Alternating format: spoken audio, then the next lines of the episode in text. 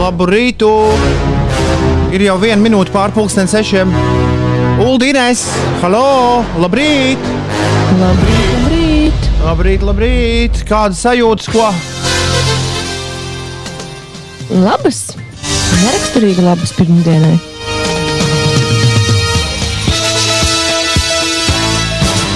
Es šobrīd mēģinu saprast, vai viss ir kārtībā, vai planēta Zeme mūs dzird ir visur, kur mēs esam. Ir, ir viss kārtībā.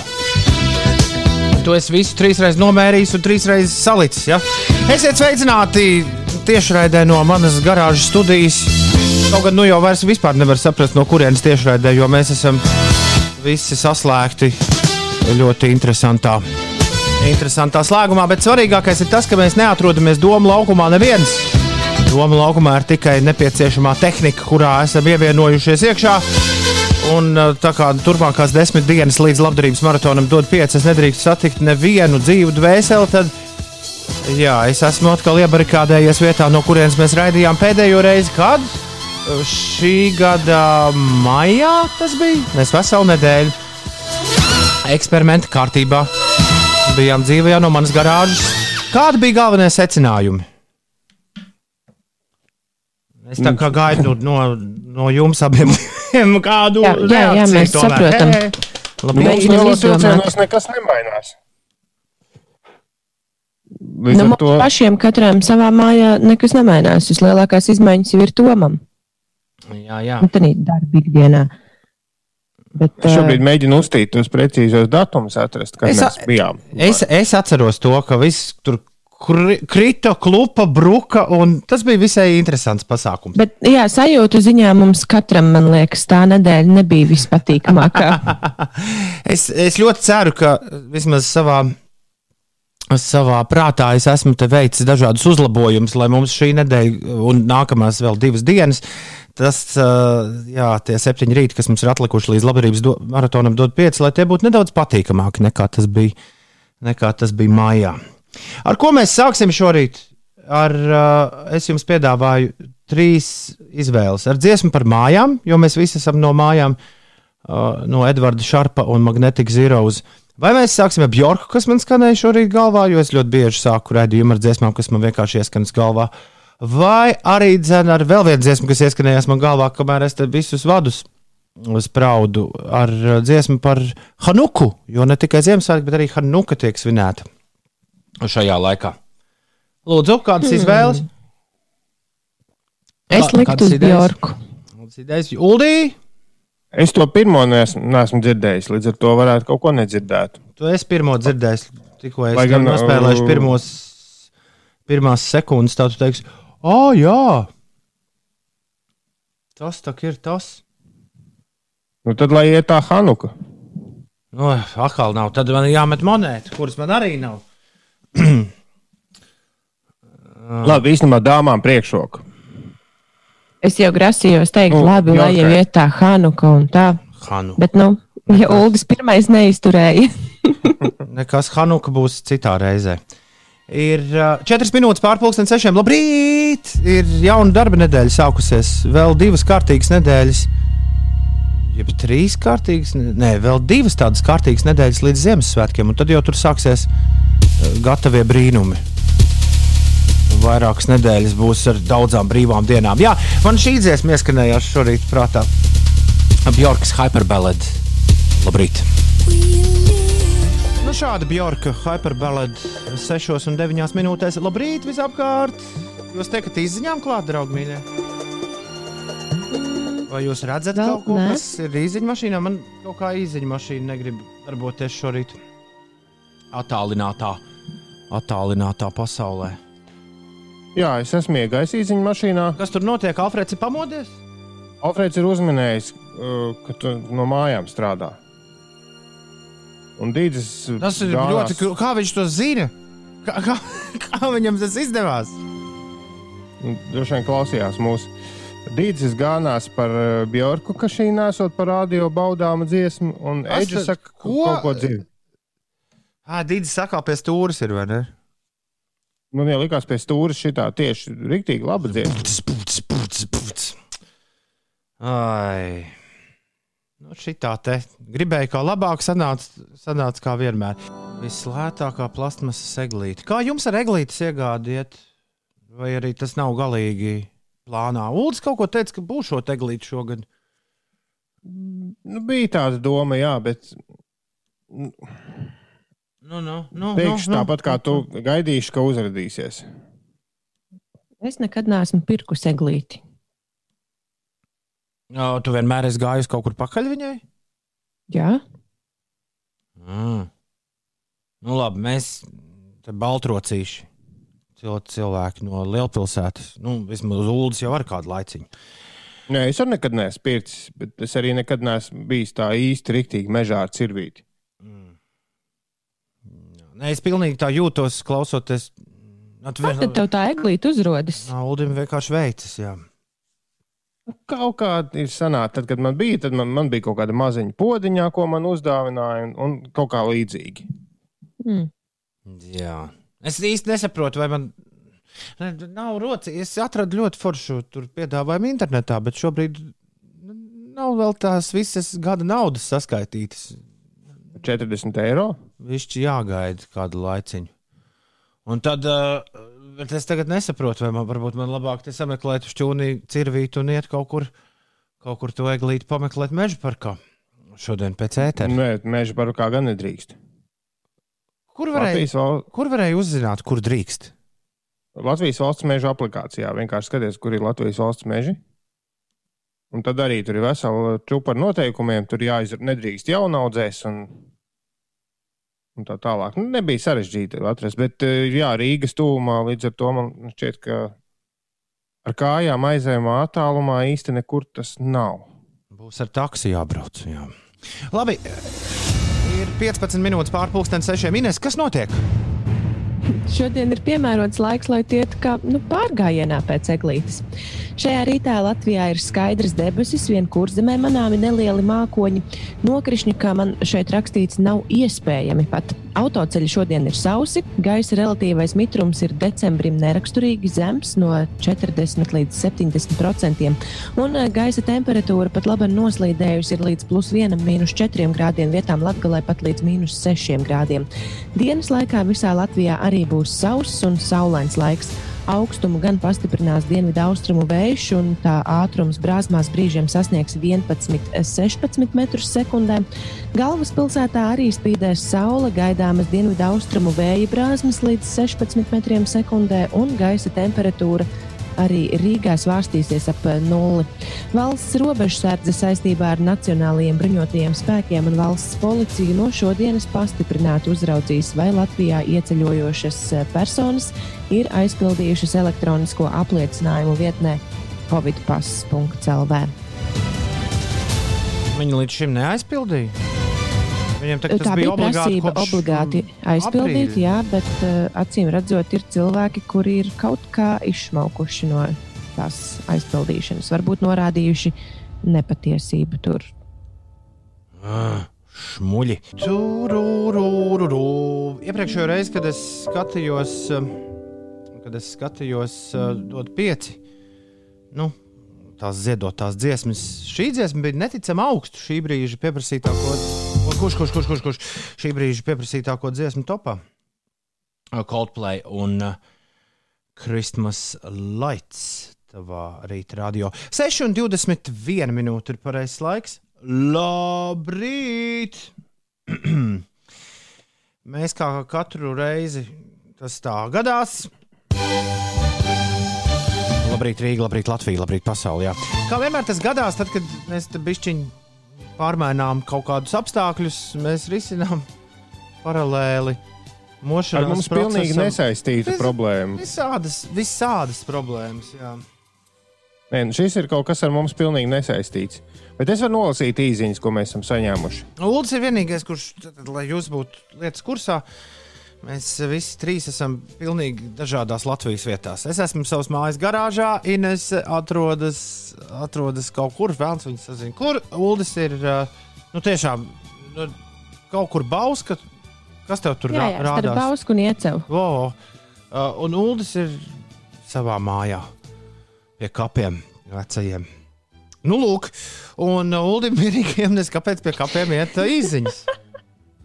Jā, mistiski, bet uh, nu, es par to priecājos. Tu Jā, būsi īziņš, Denis- tev ir, tev ir jauns amats, tu esi īziņu vīrs. tu esi vienīgais, kurš var nolasīt īziņu. Jā, nu tad es iešu no. no, no Jā, Tomo rakstīja, ka šī varētu būt šī gada jaukākā Ziemassvētku dziesma, bet es jau aizmirsu, par kuru dziesmu viņš to rakstīja. Par kaķītu un es laikam. Okay. Ne, nezinu. Uh, Toms ir mm, sen nebija dzirdējis himnu, bet viņam šorīt agrais rīts jāapceļo kurzeme, Vēnspils liepāja. Un Eglīte ar jaunāko paudzi vakar ložmetē kalnu apkārtnē viņš ir dabūjis, tur esot daudz un skaistas. Un Denis raksta, labrīt, mīļie trīnīši. Obligāti mākslīgu eglīti nesīšu mājās. Meitiņai septiņi mēneši, lai priecātos viņas sirsniņa. Priecīgus svētkus! Mākslīgā. Nesmaržo vienīgi. Nu, pārējais Tur ir jau tā visāds- kā tur darētu. Tur ir kaut kādas speciālās smaržģīnas, man liekas, ko var sapūst. Vīraku kaut kāda aizdedzināta speciāli. Imikālijas tās jau. Nē, vislabāk smaržo īstā eglīte. Ir tas uh, egļu vannas putas ar egļu smaržu. Tās var saliet uz tās eglis. Piektdien, piekdien es. uh, Piektdien ar mani gadījās ķibeli. Pats jau vainīgs, jā. Čatojot tur par kaut kādām mūzikas lietām, starp citu, ar mūsu mūzikas redaktoru, kāpu es tramvajā braucu pēc dēla uz skolu pakaļ, un tur kontrolieris iekšā iekāpjas tramvajā. Es saku, es, aiz, es aizmirsu nopīkstināt to tur talonu. Viņš saka, mums tāda aizmirsēja te katru dienu. Jā, jā, būs tagad jāmaksā sots. Vai nu uz, tad, tad, tad, ja tu maksā tūlīt, tad ir di- 20 eiro, ja tu maksā vēlāk, tad 30. Es Kāpēc saku, tā? Man, nu, skaidrs naudas man nav. Man vismaz šķiet, ka es tā pateicu, skaidrs naudas man nav. Es teicu, nu, tad neko, es tev nesaku, ka es tev nebrīdināju. Iedevu savu personas apliecību, tur tad viņš norakstīja visu, ko vajag. Kļūdaini, kā izrādījās. Ja? Bet tas, nu, tas laikam, cits temats. Nu, izsita man to kvīti. Bet eh, viņš turpināja braukt. Pēc mirkļa es paņēmu Evertu no skolas, mums jābrauc atpakaļ. Nu, viņš turpināja braukt tajā pašā līnijā. Jo nebija jākāpj ārā. Tu varēji turpināt braucienu. Nu, nē, es izkāpu ārā, es savācu Evertu no skolas. Mēs abi iekāpām nākamajā tramvajā, bet viņi tur nu, viņi brauc trīs pieturu uh, radījusā. Viņi pabrauc uz vienu pusi, tad viņi izkāpa ārā, pāriet pāri ielai un brauc uz otru pusi. Nesapratu, ja? Jā, Nu, es sapratu. nu, Es sapratu, man bija, mans jautājums bija, vai tev pēc uh, soda saņemšanas uzreiz bija jākāpj ārā, vai tev vienkārši pašam bija jākāpj ārā? À, nē, man nebija jākāpj ārā. Es saņēmu sodu un braucu. Ā, kā vajag. Nē, nē, nē, nē, nē. Bet atpakaļceļā es viņus atkal satiku. Un šoreiz jau man viss Izrakstīja vēl vienu. Nu, Pagaidām, šoreiz man viss ir. Un vēl esot kaut kāds likums par to, ka, ja tev vienu iedod, tad tev otru laikam diennakts laikā nevar. E, labi. Uh, jebkurā gadījumā. Es biju viss, nu, viss bija labi, biju nopīkstinājis. Uh, viss labi, nav vispār nekāda problēma. Viss, viss forši, nav jautājumu. Bet šoreiz biļeti nav kaut kādiem diviem jauniešiem, kur angliski runā. Tur meitene māca, jo bija vīrs un meitene kontrolieri. Meitene māca angļu valodu, viņi tur sāk skaidrot, kas tur un kā tur un kā tur. Šiem jauniešiem savukārt ir uh, pēkšņi tiek izvilkts un pasniegts bankas šitas te automāts. Ak, mm. ak es duraks tāds. Nē, man tiešām likās, es tiešām joprojām domāju, ka kontrole dzīvo tā kā tādos nu, 90. gados. viduslaikos. Bet viņiem līdzi ir jā, normāla mašīna, kur var nopīkstināt karti. Tas nozīmē, ka es ne tikai iegāzos uz uh, sodu, ja, bet es iegāzos tādā nu, lielās bumbās uz sodu. Pats savas nezināšanas dēļ. Kā pats savas nezināšanas dēļ, tev jau nepiedāvāja neviens samaksāt uz vietas. Man piedāvāja skaidrām. samaksāt uz vietas, bet jā, es ne, vienā brīdī neiedomājos, ka tas varētu notikt neskaidrā naudā. Bet viņiem Bet droši vien taču kontrolierim pateici, ka tev nav skaidra nauda. Tad jau viņam vajadzēja tev pateikt, ir iespēja maksāt ar karti. viņš neko tam līdzīgi neteica. Viņš nebija Nu, cilvēks. Tie cilvēki nav diezko laipni. Ines, eh, man liekas, ka es apmēram iedomājos, kā viņi noskaņojas, lai darītu to savu darbu. Nu, viņi dro... nu, Jā, ne, tie nav cilvēki, ar kuriem tu gribi pasēdēt pie tējas un parunāt par dzīvi, un par kosmosu un par visu pārējo. Ei, galvenais, Ga- galvenā morāla, kas ir jāatceras, ko es pieļauju, ka daudz no jums nezināja, ka, ja jūs šajā šmucē nonākat, tad tur var ar karti samaksāt, un viss ir miers un bērziņš. Jo, jo es jau arī vēl kaut kādā sodu uzskaitē, tagad ar šito esmu ticis klāt. Jo viņiem tur ir uh, hierarhija. Ja, es, ja viņi man vēlreiz noķertu un es nemaksātu, un viņi man stādītu atkal to čeku, tad jau man tās summas tur augtu. Vai tad? Jā, jā, viņiem ir speciāli uh, uztaisīta piramīda. Otro reizi, ja tev noķer gada laikā 40, trešo reizi 50, tad viņš tur iet uz augšu. Es vienreiz samaksāju sodu uz vietas. Man bija pieci. Tas ir uz vietas. Bet man bija pieci vai ne eiro. Nē, tas bija, nē, tas, tas bija Latvijas vēl. Nu, redz, tas bija vispār pirms simts gadiem. Jā. Bet ne, man jau liekas, ka nevajag tā visus tos cilvēkus norakstīt. Un Cilvēki vienkārši dara darbu, bet viņiem ikdienā ir, nu, tas darbs nav tas jaukākais. La- Vien, vienīgā labā ziņa, ka kauns nav pa visu ģīmi, jo uz ģīmi ir maska. Nu, tā kaut kā. nu, tā ir, tā ir. Vēl runājot par ģīmijiem, jānobildē un jāparāda. Es to biju ieplānojis, jāparāda. Es ar jums visu laiku caur puķiem runāju. Tā tas droši vien būs viss. Jā, diezgan šīs- tiešā nozīmē. Tā tas būs viss šīs nedēļas garumā. Es ielikšu Instagramā, lai ļaudis redz, kā tas, kā tas izskatās. Tā. Es visas, visas šīs tagad nedēļas un pāris dienu laikā ar Inesu un Ulu caur puķiem runāju. Nu, Uztaisiet kaut kādas jaukas sejas, lai cilvēki jūs redzētu caur puķiem. Ah, Uldim, Uldim īpaši laba seja. Ah, Tā re, kur ir. nu, nu. Līgums sots ar pēcapmaksu. Ja gadu tev nav bijis līgums sots, tad būs 30 eiro. Ja, ja tu esi vienu reizi gada laikā dabūjis, tad, tagad, uh, respektīvi, visu turpmāko gadu tev draud 35 eiro. Ja divas reizes gada laikā, tad 40, ja trīs reizes, tad 50 eiro. Bet tas viss atceļas, ja tu maksā uz vietas. Uz vietas vienmēr ir 20. Jā, bet, et, bet es nezināju, ka ar karti var maksāt. Tur jau tā ziep. Nu Jā, bet tu nepajautāji arī. Jo neviens nevar iedomāties, ka viņiem varētu būt karte. Nu, kaut kā tā. Nē, bet tagad vēlreiz labā ziņa. Tagad mēs to visu zināsim. Un, ja nu tev nejauši gadīsies, nu, pilnīgi nejauši, tad tu zini, ka uz vietas tev nebūs vairāk nu, gada laikā. Uz vietas būs visu laiku tas pats. Jep. Ir pusseptiņi no rītā. Labrīt. Un es nesmu ielādējis nākamo dziesmu. Uh, jā, savā, savā mūzikas mašīnā. Tā es paskatīšos, Kur- ko te raksta cilvēki izziņās. Ir divas iespējas. Vai nu jūs man varat ātri pierunāt uz kādu dziesmu, vai arī jums ir, jums ir uh, jāpaskatās īsiņās, vai vēl kaut kas tam līdzīgs jāizdara. Jā. Ineta raksta, ka vienmēr Ineta raksta, ka viņai ir problēmas mūs dzirdēt. Ineta, tas ir saistīts ar to pašu, ko mēs pirms brīža stāstījām par mūsu izziņām. Mums tur ir kaut kas. Tā nav tava problēma. Tas ir mūsu pusē. Bet viņu mūs Uh. dzird, ja viņai ir problēmas dzirdēt. Nē, viņi nedzird. Viņi mūs nevar atrast uh, tur kaut kādā Bet kāpēc? telefonā. Kāpēc mēs viņai atbildam? Ah, nu, tas gan jā. Bet kā tad savādāk? Jā, īstenībā no šīs īsiņas nebija nekādas jēgas, tikai tik, cik mums.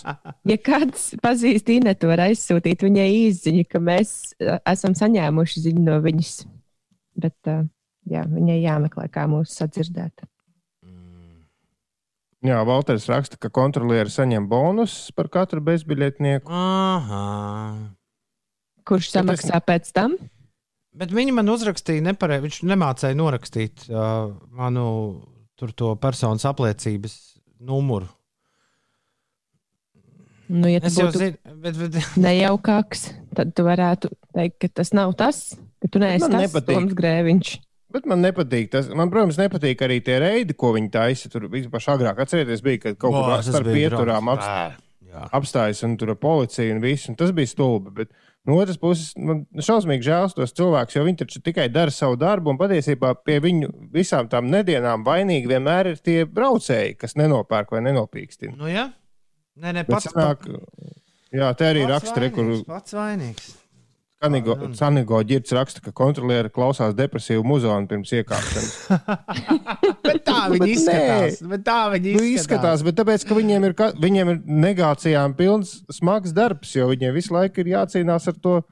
Nu, Ar tiem, Jā, kur jā, ir reku- vainīgi, bet kurus sāst, ka viņi nu, pavisam noteikti nav vainīgi. jā, reku, Inet atbildēja, Inet mūsu radio ieslēgusi, bet telefonā nedzird. Forši, forši, forši.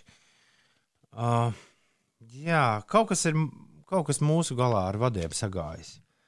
Ir, uh, Un ir jāzvan tūlīt kādam, jo Tu ne- kāds neatbild uz tu īsiņām. tu neesi ne ar vienu aprunājies. Nē, es rakstīju, bet nav atbildes. Labi. Līdz ar to jāzvan. Tad zvani. Tad zvani. Mēs par meiteni ar Ines padziedāsim dziesmu. Sīgals to negaidīja. Es, es tāpēc jau teicu, es viņus kaut kur esmu redzējis. Ko lūdzu? Nē, nē, tur, Kāds tur runā?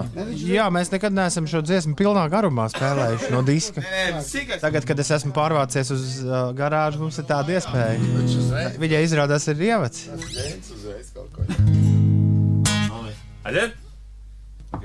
Mēs parasti, man liekas, no šīs vietas viņu atskaņojam. Un... Pum, pum, pum, pum, pum, pum. Ulds bija nobijies, ka šajā dziesmā lamājoties. Nu, mājas versijā, bet nav tā. Man liekas, ka tas bija nelamājas. iemesls, ka, tas bija iemesls, kāpēc mēs tās runas sākumā esam izgriezuši nost, ka tur bija kaut kāda vārdiņa. Bet nē, nē, es jau tādu kaut ko citu. Kāpēc man šitā te viņš dara? Nē, nē, nē, nē. šitā tev jādara. no sākuma jāspēlē viss. Labrīt, ir 6,36. šeit 5 rīta strūns par manām, par manām raizēm ar, ar, ar, ar kontroli un ar biļetēm. Vienīgi eh, likteņa ironija uzreiz pēc tam sestdien. Vairs nevar, man tagad bail būs kādu laiku braukt ar sabiedrisko transportu. Paldies Dievam, līdz dot 5 man tas jādara. Ir, nu, burtiski varbūt pāris reizes, bet. Bet, eh, bet sestdien, un sestdien nebija iespējams pie Matīs tirgus, benzīna tanka, ne, bet nu, tur tā kioska veikalā nopirkt etalonu. Lai arī kaut kur bija teikts ziņās, ka tas ir mīts, ka nepārdošot etalonus. Tā bija realitāte. Es gribēju braukt mājās ar tramvaju un lūdzos pēc biļetes, un man teica, nē, mēs nepārdodam. To es pārbaudīju uz savas ādas. Un sestdienas, svētdienas uh, šie tirdzniecības ierobežojumi izskatījās pilsētā gaužām interesanti, jo vairākas kafejnīcas, nu, kurās var dabūt kafiju līdz paņemšanai, bija vaļā. Savukārt, uh, nu, kas tā liekas interesanti, kāpēc tās ir vaļā? Benzīnēkos arī kafiju varēja dabūt līdzņemšanai. Daži specializēti veikali arī bija vaļā. Nu, vienot sakot, man šķiet, ka līdz galam nav īsti skaidrs, kas ir vaļā un kas nav vaļā. Alkohola bodas gan bija cieta, to es pārbaudu. Paraustīja durvis. Ja? Kā nu bez tā, jā. Drīzāk jau paskatījos kārām acīm vienkārši uz iz, izslēgtām gaismām. Labi, strūns par to. Patiesībā visas tās manas nedēļas, kāda, kāda starpība, kas man tur gadījies. Inesēja lielākas ziepes. Ines pamanījās savai māsai pazaudēt ko? Strausu? Jā, ne jau es pazaudēju viņu. Nandu strausu. Tas ir tāds ma, nu, mazāks strausiņš nekā lielie strausi. Man māsai tādi divi bija. Viņus sauc Didīši, Didītis un Didīta. Un, uh, Tie strausi mēdz uh, dzīvoties ārā, no ārpus sava būrīša, tad, kad uh, uz tām lauku mājām aizbrauc cilvēki. Un tā arī šoreiz tie strausi bija izlaisti ārā, un viņi dzīvojās un staigāja līdzi cilvēkiem. Un kaut kādā brīdī sanāca tā, ka Viņa aizsklejoja mazliet tālāk no mājām eh, prom. Vienu izdevās sa sagūstīt un atvest mājās, un otrs eh, kaut kur aizlaidās. Un tā mēs eh, vakardien visu dienu meklējām eh, strausu pa vietējiem mežiem un pļavām. Un kas bija ļoti jauki, vietējie kaimiņi arī nāca palīgā. Un mežā izdevās sastapt uh, pilnīgi visus kaimiņus, bet ne strausu. Mēs tagad netiekam gudri, cik tālu tas diez būs aiz, aizklī, aizklīdis. Okay, ja kāds pamana šorīt strausu, Tad, tad ir jāmeklē rokā Ines. Rakstiet droši uz 293, 202, Uldis to saņems, tad viņš mums to izstāstīs. Un tad, tad mēs pie strausa tiksim atpakaļ. Paga- Strauss tiek turēts, lai būtu strausa olas vai lai kādreiz būtu steiks. O, es domāju, ka vienkārši prieka pēc. Nu, tā, lai bērniem ir ko parādīt. Viņai ir visādi interesanti putniņi mājās, ne tikai strausi. Labi, turpini. Kas vēl? Mm, Ir tās pērļu vistiņas, ir uh, paipalas, ir uh, zīda vistiņa ar gailīti. Un, un vēl visādi interesanti putniņi, kurus nemāku nosaukt. Šis izklausās pēc Mārtiņa rītiņa. Uh, atceries, Ko? mēs vienreiz ar Ulu bijām pie Mārtiņa rītiņa ciemos. Neprasa, kāpēc. Jā, bet mēs bijām ar Ulu pie ciemos pie Mārtiņa rītiņa, un viņam bija putnu būris. Nu, tāds milzīgs dārzā. Un viņš tur, man liekas, visu franču ēdienu kārtu audzēja pats. Nē, tie nav domāti ēšanai. Mm, Mārtiņš rītiņš, es pilnīgi iedomājos ar nazīti no rīta. Nē, tie ir, tie ir mīļputniņi. Gribas, gr gribas kaut ko garšīgu šorīt. Ko, kur kur cip, cip cālīši? Nē, viņam bija vistiņas oliņām, bet Viņam bija divi tītāri, viņam bija, es ļoti labi atceros, viņam tur bija pīles pāris. Jā, nē, nē tur bija tā. Ā, Es tur, ne, es tur laikam pie tiem putniem negāju. Klausies, Ines, bet mēs an, janvārī mēs stāstījām ziņās, man šķiet, arī par vēl vienu izbēgušu strausu. un Es atradu, ka, ka tas strauss Ansis janvārī atgriezās pēc četru nedēļu klejojumiem. Četru nedēļu. Tad, tad, būs, Četru nedēļu. tā tad būs kaut kad janvārī apakaļ. Jā, viņš esot laikam pārticis no kaut kādiem tur rapšu un ziemāju laukiem, un, un ne, pārāk novārdas nebija. Bet viņš jau Nesirs silto gan. zemju putns. Es baidos, ka viņam, ja pēkšņi uznāk mīnus, ka nav kaut kādas ziepes ar siltumu. Man liekas, ka Nē, nē, tā jau viņam Amerikā tur diezgan silti viņam ir. nav. ir tāds gana liels, bet um, es vairāk uztraucos par tiem meža zvēriem, kas varētu būt nevisai draudzīgi ar viņu. Nu, viņiem nav tāda Lapsas programma. Tā, Ines, viņiem nav tāda programma. Nu, Kāda viņi, programma? nu, viņi, viņi nav nav tāda redzējuši, lapsām. viņi nav strausu redzējuši. Tāpēc ir iespējamība, ka viņi viņu vienkārši neredzēs. Nu, ja, jo viņiem nav ieprogrammēts, ka tādam ir dzīvniekam jābūt. Nu, var jau būt. Nezinu. Bet es tad māsai pateikšu, ka iespējams pēc četrām nedēļām viņš pats atnāks mājās. Tā var gadīties, tā var gadīties. Tā, labi. Ir jau 6,42. Pastāstiet, kas notiek. Vēl bez, eh, bez strausiem ir, jā, protams, citas lietas, kas notiek no šodienas. Pasažieru pārvadājumi ir aizliegti uz kopumā piecām slimību profilakses un kontrolas centra sarakstā esošajām Eiropas valstīm - Lietuvu, Andoru, Luksemburgu, Horvātiju un San Marino. Tā liecina SPKC apkopotie dati. No šodienas mācības attālināti notiks arī visiem 5. un 6. klašu skolāniem, bet klātienē mācību procesu drīkst turpināt tikai bērnu dārzos un 1. līdz 4. klašu skolēni, ievērojot, protams, visus eh, Covid-19 drošības eh, pasākumus. Un par mazliet tādām jaukākām lietām Sabiedrības integrācijas fonds sadarbībā ar kustību Gribu palīdzēt bēgļiem un Latvijas sarkano krustu jau piekto gadu aicina sabiedrību sagādāt dāvanas Latvijā dzīvojošo bēgļu un patvērumu meklētāju bērniem. Šogad sarūpētais nonāks pie bērniem no Afganistānas, Baltkrievijas, Irākas, Krievijas, Sīrijas un Turcijas. Bērni dāvanās visvairāk priecātos saņemt dažādas spēles, grāmatas, rotaļlietas, lelles, siltas drēbes, sporta piederumus. Labdarības akcija norisināsies līdz 16. decembrim, un tie, kas vēlas sagādāt dāvanas, tad tiem vispirms ir jāsazinās pa tālruni 2924, 82, 32, lai vienotos, kuram bērnam kādas dāvanas sagādāt, un pēc tam jau Ievērojot visus nosacījumus, šīs dāvanas var nogādāt Sabiedrības integrācijas fonda telpās Raņa Bulvārī 15 Rīgā. Brīnišķīgi. Laika mašīnā. Tam, tam, tam, tam, tadada. Ir 6,44. Labrīt. E, nu, gan būs labi. Uh, nu, laika mašīnā jūlim ir jāver ciet īziņas. Un līdz ar, Ah. to, līdz ar to mēs paliekam gandrīz vai vispār bez sakariem. Es pēc tam nolasīšu tos, kas ir nu, kaut kā pēc mūsu pateikšanas. Labi. Tad jācer, ka mēs ātri tiksim galā ar laika mašīnu. Ai.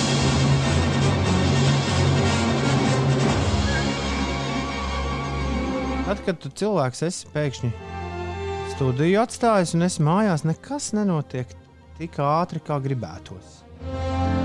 Vismaz labā ziņa tāda, ka manī šodien ir tāds stoisks miers. Tas nevienmēr manī ir. Jā.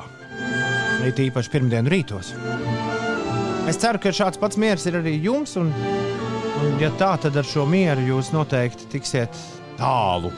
Nu, tā. Un Noteikti šajā nedēļā ir viss kaut kas jāsadara.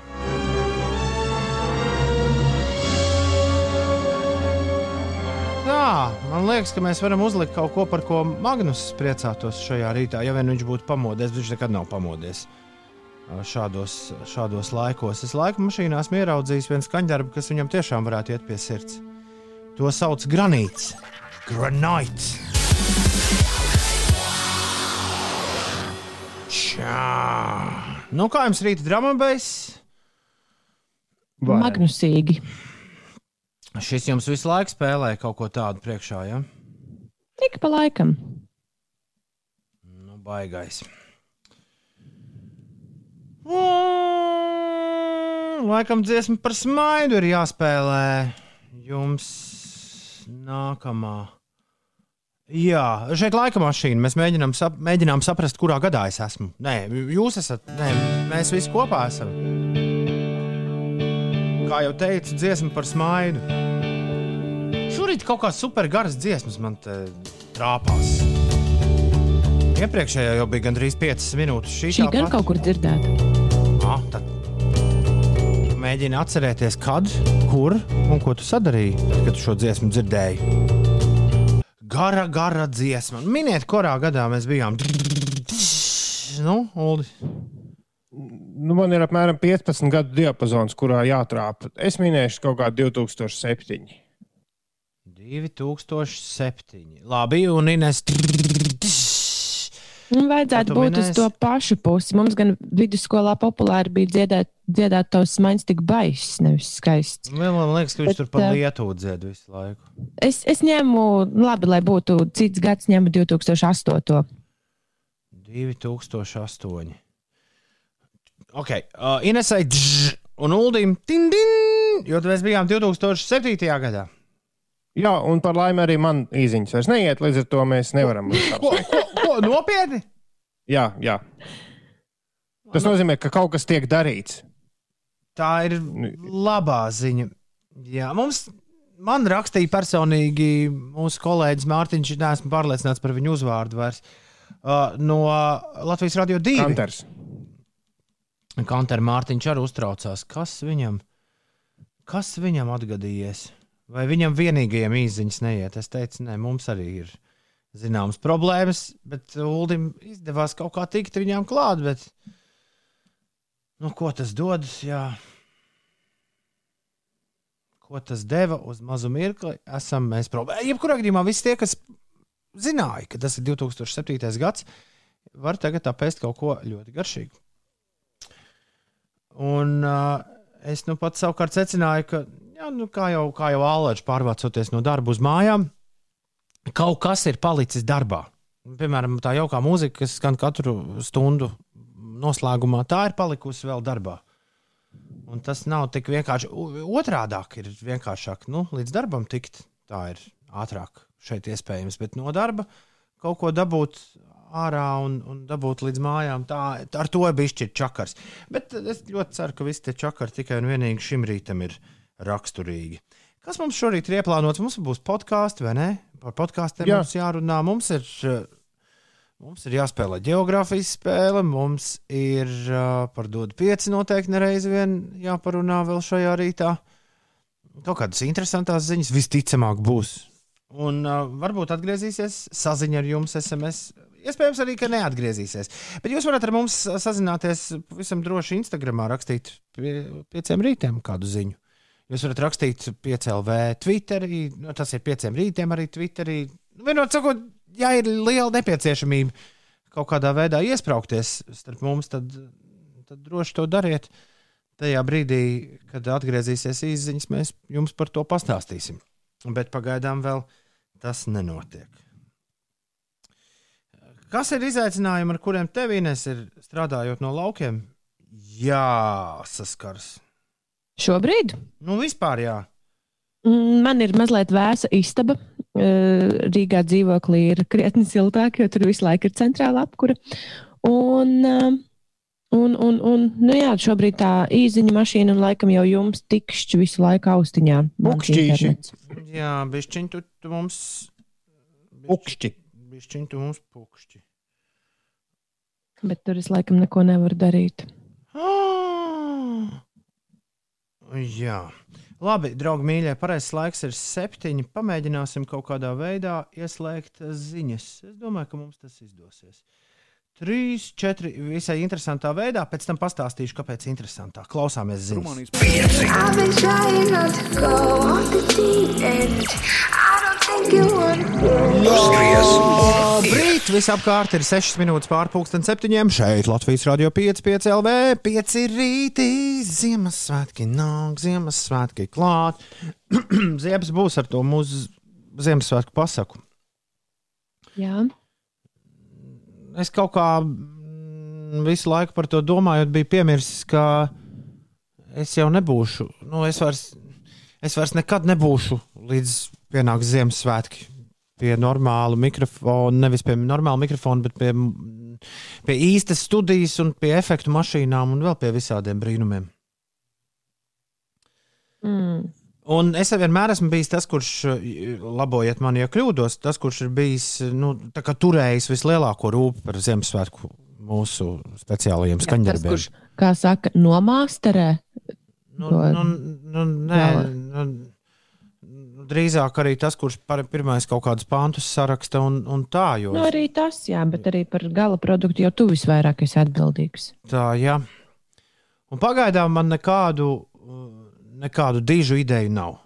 Bet, uh, un, un vēl ir diezgan liela kaudzīta ar darbiem, uz kuriem rakstīts gandrīz vai ugunsgrēks, ar kuriem ir jātiek galā vispirms, un kas prasīs droši vien visu šodienu.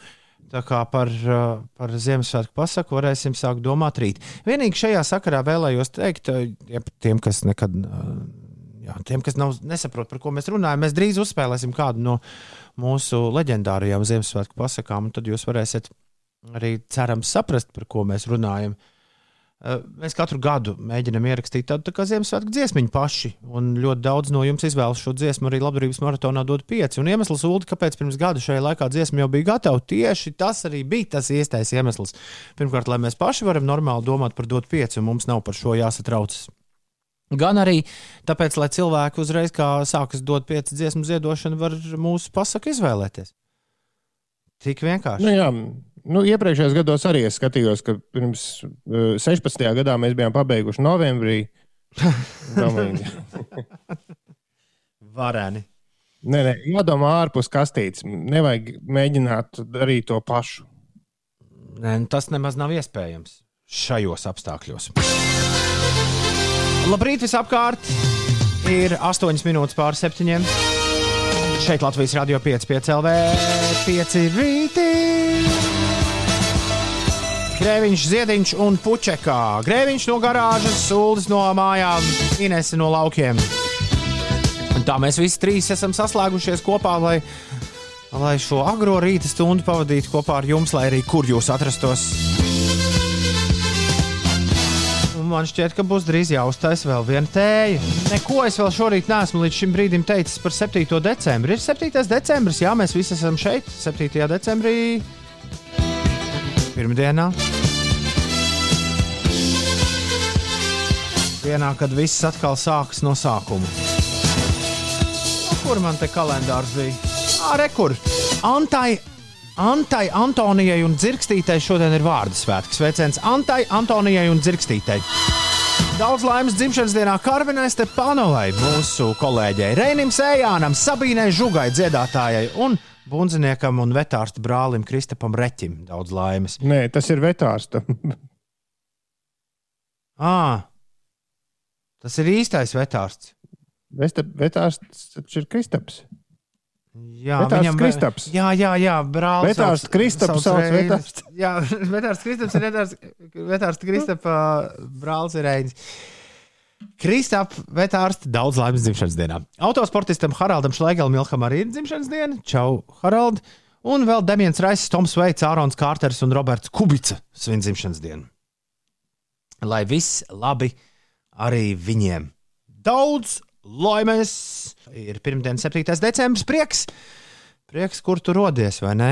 Sveiciens visiem, kas nu pat iekāpuši automašīnās, vai nu pat izkāpuši no gultas, vai nu pat nonākuši savā virtuvē, vai arī nu pat pamodušies, kā piemēram mans jaunākais dēls. Es nu pat biju aizgājis līdz, līdz istabai, līdz dzīvoklim.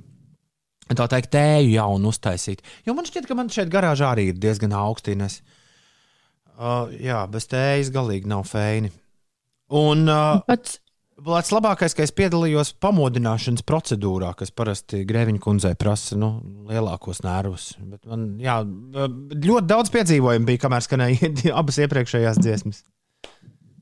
Hmm.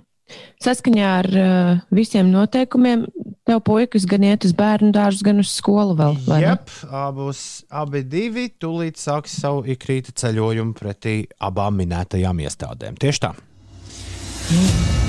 Ir 19 minūtes pārpusdienas septiņiem. Ines, tu mums pastāsti, kas notiek? Es mazliet paturpināšu par tām skolām. No šodienas tātad mācības attālināti notiek visiem 5. līdz 6. klasu skolēniem. Kā mēs zinām, jau no oktobra brīvlaika 7. un 12. klasu skolēni mācās attālināti.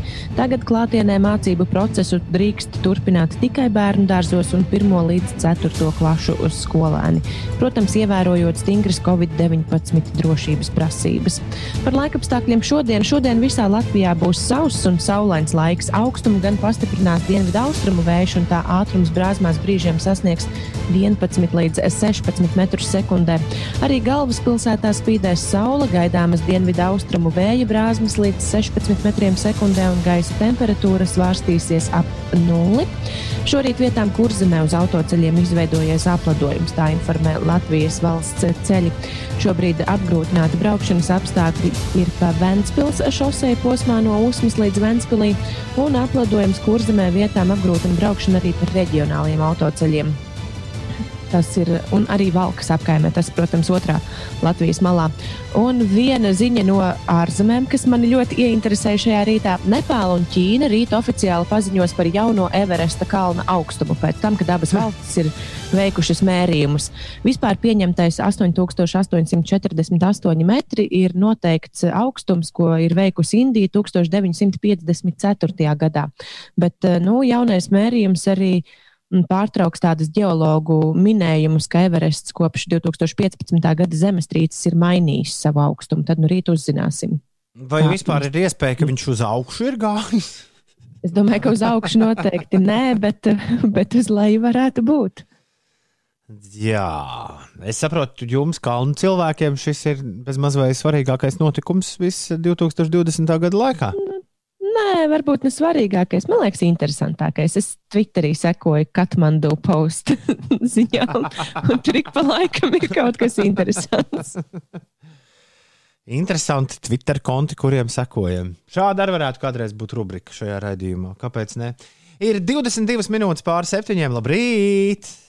Tā, tagad Māra un Čāļi dziedās šitā. Ko klausīties šonadēļ? Tas ir jautājums, uz kuru mums atkal visiem kopā jāatbild. Kā katru pirmdienu mums ir pievienojies arī Latvijas radio podkāstu redaktors un attīstītājs Andrejs Siliņš. Sveiks, Andrej!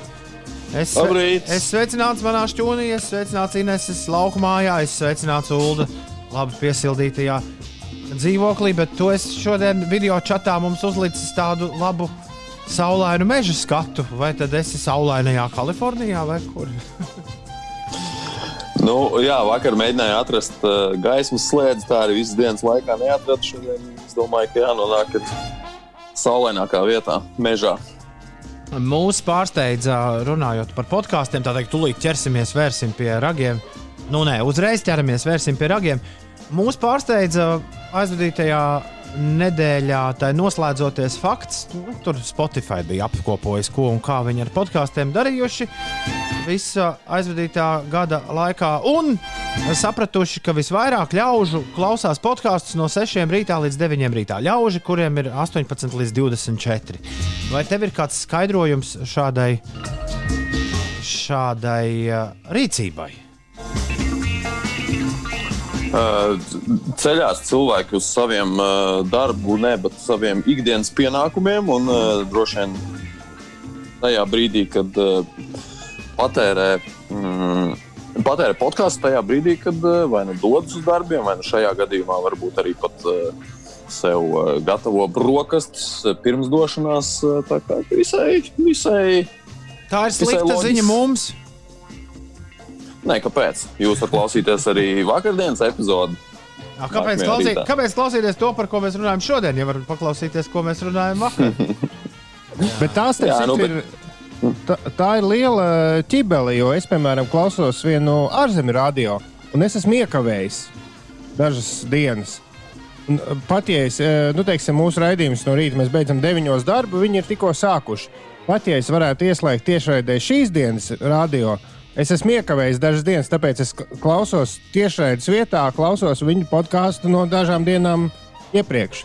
Es pieņemu, ka arī radies kāds dzird eh, šobrīd, bet kaut kādu pagājušās nedēļas raidījumu. Jā. Klau, Andrej, ir arī apkopot, es saprotu, šī brīža populārākie podkāsti tieši pasaulē 2020. gadā. Pastāsti par to vairāk. Jā, gan Apple, gan Spotify pagājušo nedēļu izziņoja savus 20. gada izcilniekus podkāstu pasaulē, un tur uh, ir ņemti vērā visi dati līdz 1. decembrim. Uh, kopumā Apple uz 1. decembrī viņi paši zi- ziņo par 1,7 dažādiem miljoniem, uh, miljoniem dažādu podkāstu. Spotify ir pat vēl vairāk, 1,9 miljoni. Uh, nu, Apple izziņoja lielākos uh, un labākos dažādās teritorijās, 19 pēc skaita. Um, piecos no tiem, piecos tiešām lielās teritorijās, ASV, Kanādā, Dienvidāfrikā, Austrālijā, Jaunzēlandē, ir viens podkāsts, pats pats populārākais, uh, Stuff You Should Know. Tas ir podkāsts, kas īstenībā ir radīts jau pirms 12 gadiem. Uh, divi kungi tādā vieglā sarunu formā, tos par komēdijas elementiem, stāsta par, par uh, nu, ļoti dažādiem tematiem, populāri, zinātniski, politika, vēsture. Bieži izmanto kaut kādas atsauces uz, uz, no popkultūras. Nu, piemēram, vakar klausījos eh, viņu epizodi par to, kā bijušais ASV prezidents Ričards Niksons uzsūtīja federālo izmeklēšanas biroju eh, Džonam Lenonam, slavenajam Beatlam. Un, eh, jo Lenons aktīvi iestājās pret karu, kamēr Niksonam vajadzēja tikt vaļā no visiem iespējamiem konkurentiem, vai precīzāk sakot, tiem, kas varētu viņam traucēt, tikt atkārtot ievēlētam prezidentam amatā 70. gadu sākumā. Jā, apvie, apvienotajā karalistē, piemēram, interesanti. Apvienotajā karalistē populārākais ir Friday Night Comedy from BBC4, tā kā sabiedriskā mēdīja radīts. Tur viss skaidrs, komēdija, satīra no BBC. Bet ir interesanti, ka BBC piedara populārākais podkāsts ne tikai Lielbritānijā, bet arī Itālijā, kas tomēr ir tāda pašpietiekama ar savu valodu. Un, un tā kā Itālija man ir ārkārtīgi tuva, tad es tur noteikti varu teikt, ka cilvēki tur neaizraujas ar angļu valodas lietošanu. Bet Apple lietotnē populārākais podkāsts Itālijā ir bijis BBC veidotais Global News podkāsts, kas ir būtībā ziņu podkāsts divreiz dienā, ziņojot par nu, aktuālajām lietām no, no pasaules. Bet tas nozīmē, ka pandē... nu, atcerēsimies, ka Itālijā jau pandēmija principā Eiropā ieguva vislielāko to vilni. un Es domāju, tas, tas skaidrojams ar to, ka ļaudis gribēja ne tikai no saviem mēdījiem, bet arī no globāliem mēdījiem dzirdēt, kas tam pie vēlna notiek. Tieši tā, un arī, un arī vēl viena nianses, ka tā angļu valoda, uh, kāpēc tā angļu valoda varētu tomēr būt aizgājusi Itālijā, kā mm, teiksim, podkāsts, tos ir tā, ka podkāsts jau patērē salīdzinoši jaunāki, jaunāka auditorija, kam varbūt ar angļu valodas apguvi ir veicies un veicas nedaudz labāk, un, un teiksim, tā, viņi ir pretim nākošāki tai nekā, nekā itāļu vecākās paudzes cilvēki. Bet interesanti, ka tu pieminēji Covid, jo teiksim, Austrijā un Vācijā mm, tieši šī, šai tematikai radīts podkāsts, uh, Das Coronavirus Update from, uh, no NDR, ir, ir, ir kļuvis par populārāko podkāstu 2020. gadā. Vai mums ir dati par Latviju, vai mēs zinām, kas ir vispopulārākie podkāsti Latvijā? Uh, par Latviju Apple nepiedāvā šādu informāciju. Viņi piedāvā par 19 lielajiem tirgiem, nu, pārsvarā uh, Ziemeļamerika, Austrālija, ja pareizāk sakot, Okeānijas kontinents, arī Āzijā. Daudz dažādu podkāstu. Uh, tas, ko es varu pateikt droši, ka Latvijas radio 2020. gada populārākais podkāsts ir Pasakas. Par Nu to jā. mēs jau esam Nu jā. runājuši iepriekš. Krustpunktā pieci rīti, kā labāk dzīvot. Zināmais, nezināmajā. Tie ir pieci populārākie, bet noteikti var šīs dienas gaitā meklēt LSMLV rakstiņu, kurā būs apkopoti arī 15 kopumā Latvijas radio O. populārākie podkāsti. un Tad tur arī būs linki klāt un varēs cilvēki, kas vēlas to darīt, doties un, un paklausīties Latvijas radio satura podkāstu aplikācijās. Lieliskas ziņas, lieliskas ziņas. Paldies, Andrej. Kā katru pirmdienu prieks ar tevi aprunāties un lai, lai tik uz priekšu viss, uh, jā, lai viss notiek. Pēc nedēļas mēs, starp citu, tiekamies pēdējo reizi šogad, jo labdarības maratons dod pieci jau klauvē pie.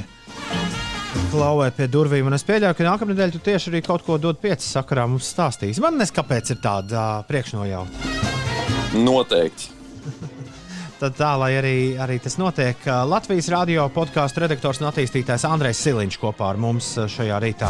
Mums šorīt līdz ar pārvākšanos no studijas katram pavisam simtprocentīgi uz savām mājām. Yes, I'm broadcasting from my garage. Uh, jā, mums šorīt visādi, visādi brīnumi, un lai, visam, nu, lai visiem brīnumiem būtu vēl kāds pielikums, mūsu īziņu mašīna ir pārstājusi darboties. Un nav arī vēl pagaidām nekādas pazīmes, ka tā varētu atgriezties. Bet uh, tie, kuriem ir ļoti svarīgi mūs sasniegt, tie to izdara. Man, piemēram, ir vaļā 5 rīta Instagram. 5 rīta Instagram, un, ja jūs rakstīsiet uz 5 rītī ar 5 rakstot ar burtiem Instagram, tad es to redzu un es to saņemu. Un Mārtiņš raksta, ka noteikti vajag nodziedāt, man šodien 30 gadu ciemos nenāks ne draugu, ne rādu. Tie attālināti mani sveiks, daudz mīļu vēlējumu teiks. Daudz laimes dzimšanas dienā, Mārtiņ! Un paldies, ka tu mūs klausies, bet, bet arī dziedāšana šajā laikā nu, tāda, tāda savādāka. Nekā, nekā tas būtu nu, tā svinīgi uh, mūsu mīļajā studijā. Bet labi, ja reiz ir tāds laiks, ka jāizvairās no visiem kolēģiem, lai mums tur tas labdarības maratons pēc desmit dienām labu labais sanāktu, nu tad ir jāizvairās. Neko tur darīt nevar. Tā ir tā jādzīvo. Bet uh, tagad būs Ines geogrāfijas spēle. Ines geogrāfijas spēle. Ui, ui, ui, tiešām. Nu ko, oi, oi, oi. Man arī viss kārtībā. Es esmu tai uh, gandrīz sagatavojusies. Mm. Tā. Tas gandrīz jābūt- bija tāds aizdomīgs. Jums jābūt pie rokām rakstāmajiem un kaut kādam papīra gabalam, kur pierakstīt jautājumus. Nu, tas šoreiz digitāli, bet jā, labi. Nu, labi, jā. Un tad jau pēc dziesmas jūs uh, nāksiet klajā ar savām atbildēm. Jā, nevar sagaidīt. Tā, Nu, jautājums, tā, tā. Man liekas, ka šoreiz ir tiešām viegli jautājumi. Un es nu, varētu galvu likt ķīlā, ka uz vismaz trim tu noteikti varēsi atbildēt. Nu, lietas galvu ķīlā, labi. Labi, no šī man bija bail patiesībā. Bet labi, esat gatavi tātad pirmajam jautājumam. Pamēģināsim. Jā. Nu tad aiziet. Kurā pilsētā atrodas Baltijā lielākā sveču ražotne? Es leju sveci, es leju sveci. Es leju Es sveci. iedomājos par šo dziesmu, rakstot jautājumus. Tālāk. Sveču. Nākamais jautājums. Kurā Latvijas pagastā atrodas lielākais kartupeļu cietas ražotājs Baltijā? Ak, Dievs! Kāda bija? Kas bija tieši jāpasaka? Kartupeļu cieta. Jā, jā. Jā. bet jautājums bija par ko? Lielākais kartupeļu cietas ražotājs Baltijā, kurā pagastā tas atrodas? Okay. Pagastā. Labi. Trešais jautājums. Kur atrodas stikla muzejs? Kas arī ir vienīgais Baltijā, bet nu, es pateikšu, priekšā tas atrodas Latvijā, bet uh, kurā pilsētā? Labi. Kurā novadā? Nu, tie lielie novadi, kur zem zemgala, vidzeme, latgala, kurā no šiem novadiem atrodas Ziemassvētku vecīša birojs? Oh, no. Oh, Un- no. Pēdējais jautājums. Jā. Kurā pilsētā atrodas Šmita teleskops, kurš ir 12. šāda tipa teleskops uh, pasaulē? 12. lielākais. Kur vecais šmits to teleskopu atstāja? Tas mums tagad jāmēģina saprast. Kurā pilsētā viņš to ir atstājis? Latvijas pilsētā. Jā, Jūs varat droši atbildēt, sūtīt SMS. Jā, Diemžēl. 9, 3, 1, 2, 0, 2. Šķiet, ka tās neviens neizlasīs.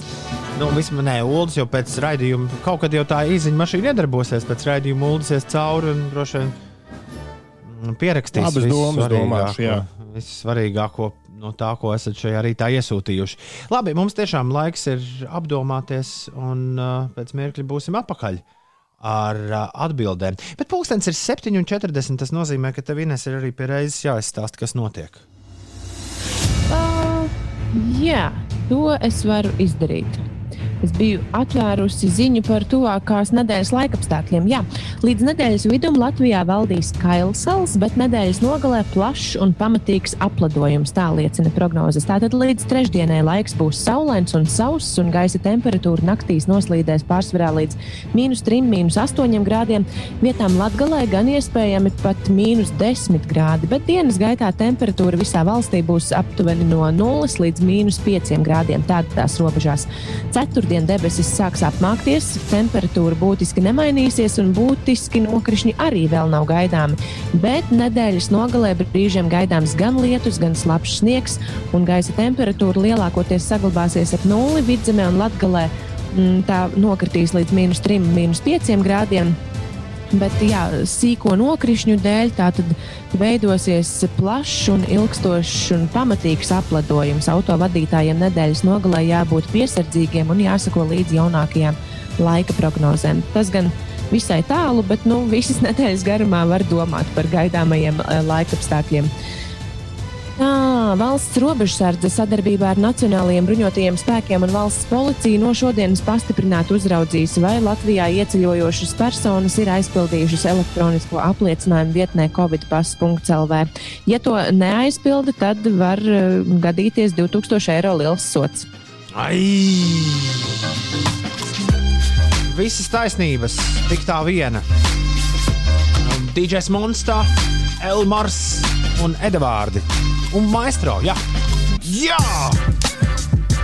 Jā, visas taisnības. Tagad mēs baigās taisnības šajā te geogrāfijas spēlē, teiksim.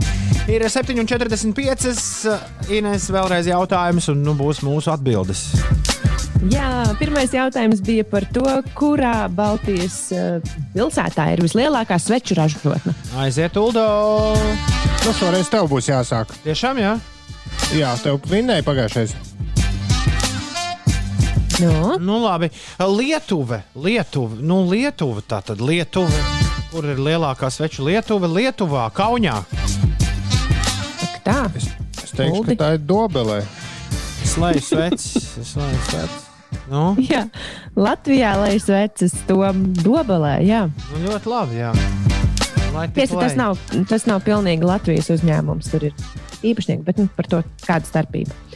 Tā, lielākais kartupeļu cietas ražotājs, kurā no Latvijas pagastiem tas atrodas. Tā kā nekad neesmu dzirdējis tavu interesi par kartupeļu cietu iepriekš, tad minēšu, ka tas ir kaut kas pie tavām netālu no tevis. Ieņemsim tā pati iecava. Es saku, ka Valmiera. Jūs nekad neesat dzirdējuši par uh, alojas kartupeļu cieti? Nē, Alojas pagasts. nē, Kā ir alojas žēlējas, alojas kartupeļu Nē. ciete un nē. nu, labi. nē. Bet tagad, Alojas tagad želejs būsiet. ir dzirdēts, bet Jā. Tagad būsiet uh, dzirdējuši. Kur atrodas stikla muzejs Latvijā? Jelgavā! Līvānos. Un pareizā atbilde ir Līvāni. Jā, jo tur, uh, tur ir Līvānu stikls. Tom. Alojas Tātad- cieta līvānu stikls varēja. Un ceturtais jautājums par Ziemassvētku vecīša biroju, kurā no valsts četriem uh, novadiem tas atrodas. Kur zemē? Kurzemē. Jā, jūs zinat arī mazliet tuvāku adresi, varbūt. Nē, Liepājas. Liepājā? Pie liepājas kaut kur. Mēs par to esam runājuši. Jā. Pie liepājas, jā, pāvilostā, ziemu par rūķu, par kurzemi. Tātad Ā, šis gan jautājums jums abiem diviem pareizs. Nu, labi. Un pēdējais jautājums par Šmita teleskopu. Tam Kurā Latvijas būt. Pilsētā tas atrodas? Jā, tam vajadzētu būt Baldonē. Nu, man arī, ja godīgi, vienīgā observatorija prātā, kas nāk, ir Baldona. Par laimi jums ir uh, pareizi ienācis prātā. Tā ir Baldona. Jā. Bet Tas ir lielākais teleskops Baltijā un 12. šāda tipa teleskops uh, pasaulē. Tagad tev jādod ķīla, jo tev ir. Tu biji galva ķīlā, ka es tev uz trīs jautājumiem atbildēšu pareizi. Es atbildēju tikai uz diviem, uz trījiem atbildēju Uldis, vai ne? Nē, man ir četri. Ah, jā, Es nezināju Jā, tikai Uldis tās nezināja par to alojas. Nu, Pagastu, jā. Kā tad tā? Man likās, ka jūs zināsiet. Ines, paskaties uz mums, kur tā kartupeļu cieta. Neviens mājās netaisa ķīseli. ko dara jā, ar kartupeļu cietu? Fui, ķīseles, vēb. mm. Es, es esmu, mums, mums bija ar piekdienu ar uh, uzturu speciālistu tikšanās nu, par dod pieci kokteļiem. Un uh, es esmu vienīgais, kurš parasti saka, es ēdu pilnīgi visu. Un tā arī ir. Es ēdu pilnīgi visu, bet ķīseli lūdzu gan pat nu, to, gan tālāk no manis. Ā, nē, negribu ķīseli. Negribu ķīselīt nekādā gadījumā. Labi, Uldis Tagad ir, mēs zināsim, pārliecināts. ķīseļēdājs. Uldis pārliecinoši ar 4-2 ir vinnējis Ines geogrāfijas spēlē. Apsveicām! Tā, tā, tā, tā, tā. Mēs neesam dzirdējuši neko par Uldā aizvadītās nedēļas nogalas gaitām un darbiem. Jā. Pirms es sāku stāstīt, Artis mums Instagramā jautā, vai Ines māsas strausu atrada. Nē, Vēl nē. nē.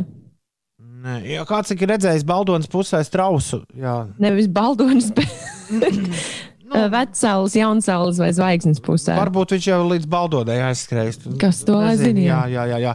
Dodiet ziņu, mēs tad tālāk. Ja kāds redz strausu šorīt, Inesai pazudis māsai. Mēs Tas tādu nav joks. meklēsim. bet, uh, bet, bet, jā, Uldi, kas tev uz sirds? Kas tev sakrājies? Man laikam ir izdevies pēc nu, gandrīz gadu ilgiem meklējumiem atrast pagaidām smukāko mežu Rīgas tūmā. Un, ja kāds zina labāk, tad uh, atrakstiet pēc raidījuma privāti, jo mums īsiņš šobrīd neiet. Bet uh, jau pagājušajā nedēļā nejauši iemaldījos Kalngalē, tur netālu no tas uz, uz Cernikavas puses starp garciem un, un vecākiem. Un šonadēļ pārbaudīju veselas divas reizes. Es tagad būšu ar kājām izteigājis visus mežus no Rīgas līdz pat uh, Lielastei un tad Saukrastus. Un visā šajā posmā uh, Kalngalas kāpainie meži absolūti vinnē. Tā kā ja kāds vēlas, uh, tur, tur, tur ir rīktīgi jākāpelē. Tur nav tā, ka tur ir mežs, tur ir tā, ka tur ir ines. Ja tev patīk kāpt kalnos, tad ar nelielu piepūtu pat tur varētu varbūt kaut kādu nu, tādu uh, kāpšanas sajūtu dabūt. Jo visu laiku augšā vajag. varētu braukt uh, skriet. Jā, rīktīgi. Bet nu, tā skriešana ir tāda ar, ar, ar, ar slodzīti. Nu, jā, jā. Jā, un uh, vakar, atgriežoties Rīgā, nu, bija kāda akūta vajadzība saistīta ar dzīvniekiem. Bija jāiegriežas veikalā. Un es gan īsti līdz galam nesapratu, vai to dzīvnieku lietas varēja vakar nopirkt. Bet, vārdu sakot, tā vai citādāk, es trāpījos lielveikalu stāvvietā. Pagaid, bet tu Un- nopirki dzīvnieku lietas? Tas, tas nebija man. Jā, es sakot, nezinu, vajadzēja, jo es biju tikai šofērs. Ah, ok. Bet es sēdēju mašīnā stāvvietā. Un, ja, nu, es zinu, ka bija tur visu tā ņemšanās lielā piekdiena, bet vakardienas stāvvieta liecināja, ka šis pasākums strādā. Jo stāvvieta svētdienā nekad nav bijusi tik tukša, nu, tu vari iebraukt un uzreiz noparkoties. Bija, reāli bija uz, uz pusi mazāk automašīnu nekā parasti svētdienas vakarā kādiem sešiem. Wow. Tā kā ja tas mērķis bija samazināt cilvēku plūsmu, un veikals arī bija tāds, nu, rīktīgi ērti, esot, esot bijis ērti staigājams. Es biju veikalā piekdienā, nopirku visu, kas bija nepieciešams, un kā nu bija premjeras, ja lūdzis, tā arī darīju, un nekur nerādījos vairāk. Jā, piekdienā gan esot bijuši, ka šur tur ļaudis sacēluši trāci. Starp citu, Nu. es vakar vakarā biju, lai varētu nodrošināt šo raidījumu. Man vajadzēja vienu vādu, kurš bija, kurš bija palicis radio. Es vakar devos taksometru braucienā uz radio un atpakaļ. Un uh, liels bija mans izbrīns redzēt, uh, es gribētu pat teikt, jau kaut ko pūlim līdzīgu. Nu, cilvēki 40, 50 atradās Doma laukumā pulksten sešiem vakarā pie eglītes, tā teikt, atnākuši. Un uh, Santa Klauss arī tur bija. Jā. Ko? Jā, jā, jā, bija Ziemassvētku vecīts. Viņš tur stā, stāvēja pie eglītes. Acīm redzot, ja kādam kaut kas ar viņu bija runājams, tad varēja ar viņu arī aprunāties.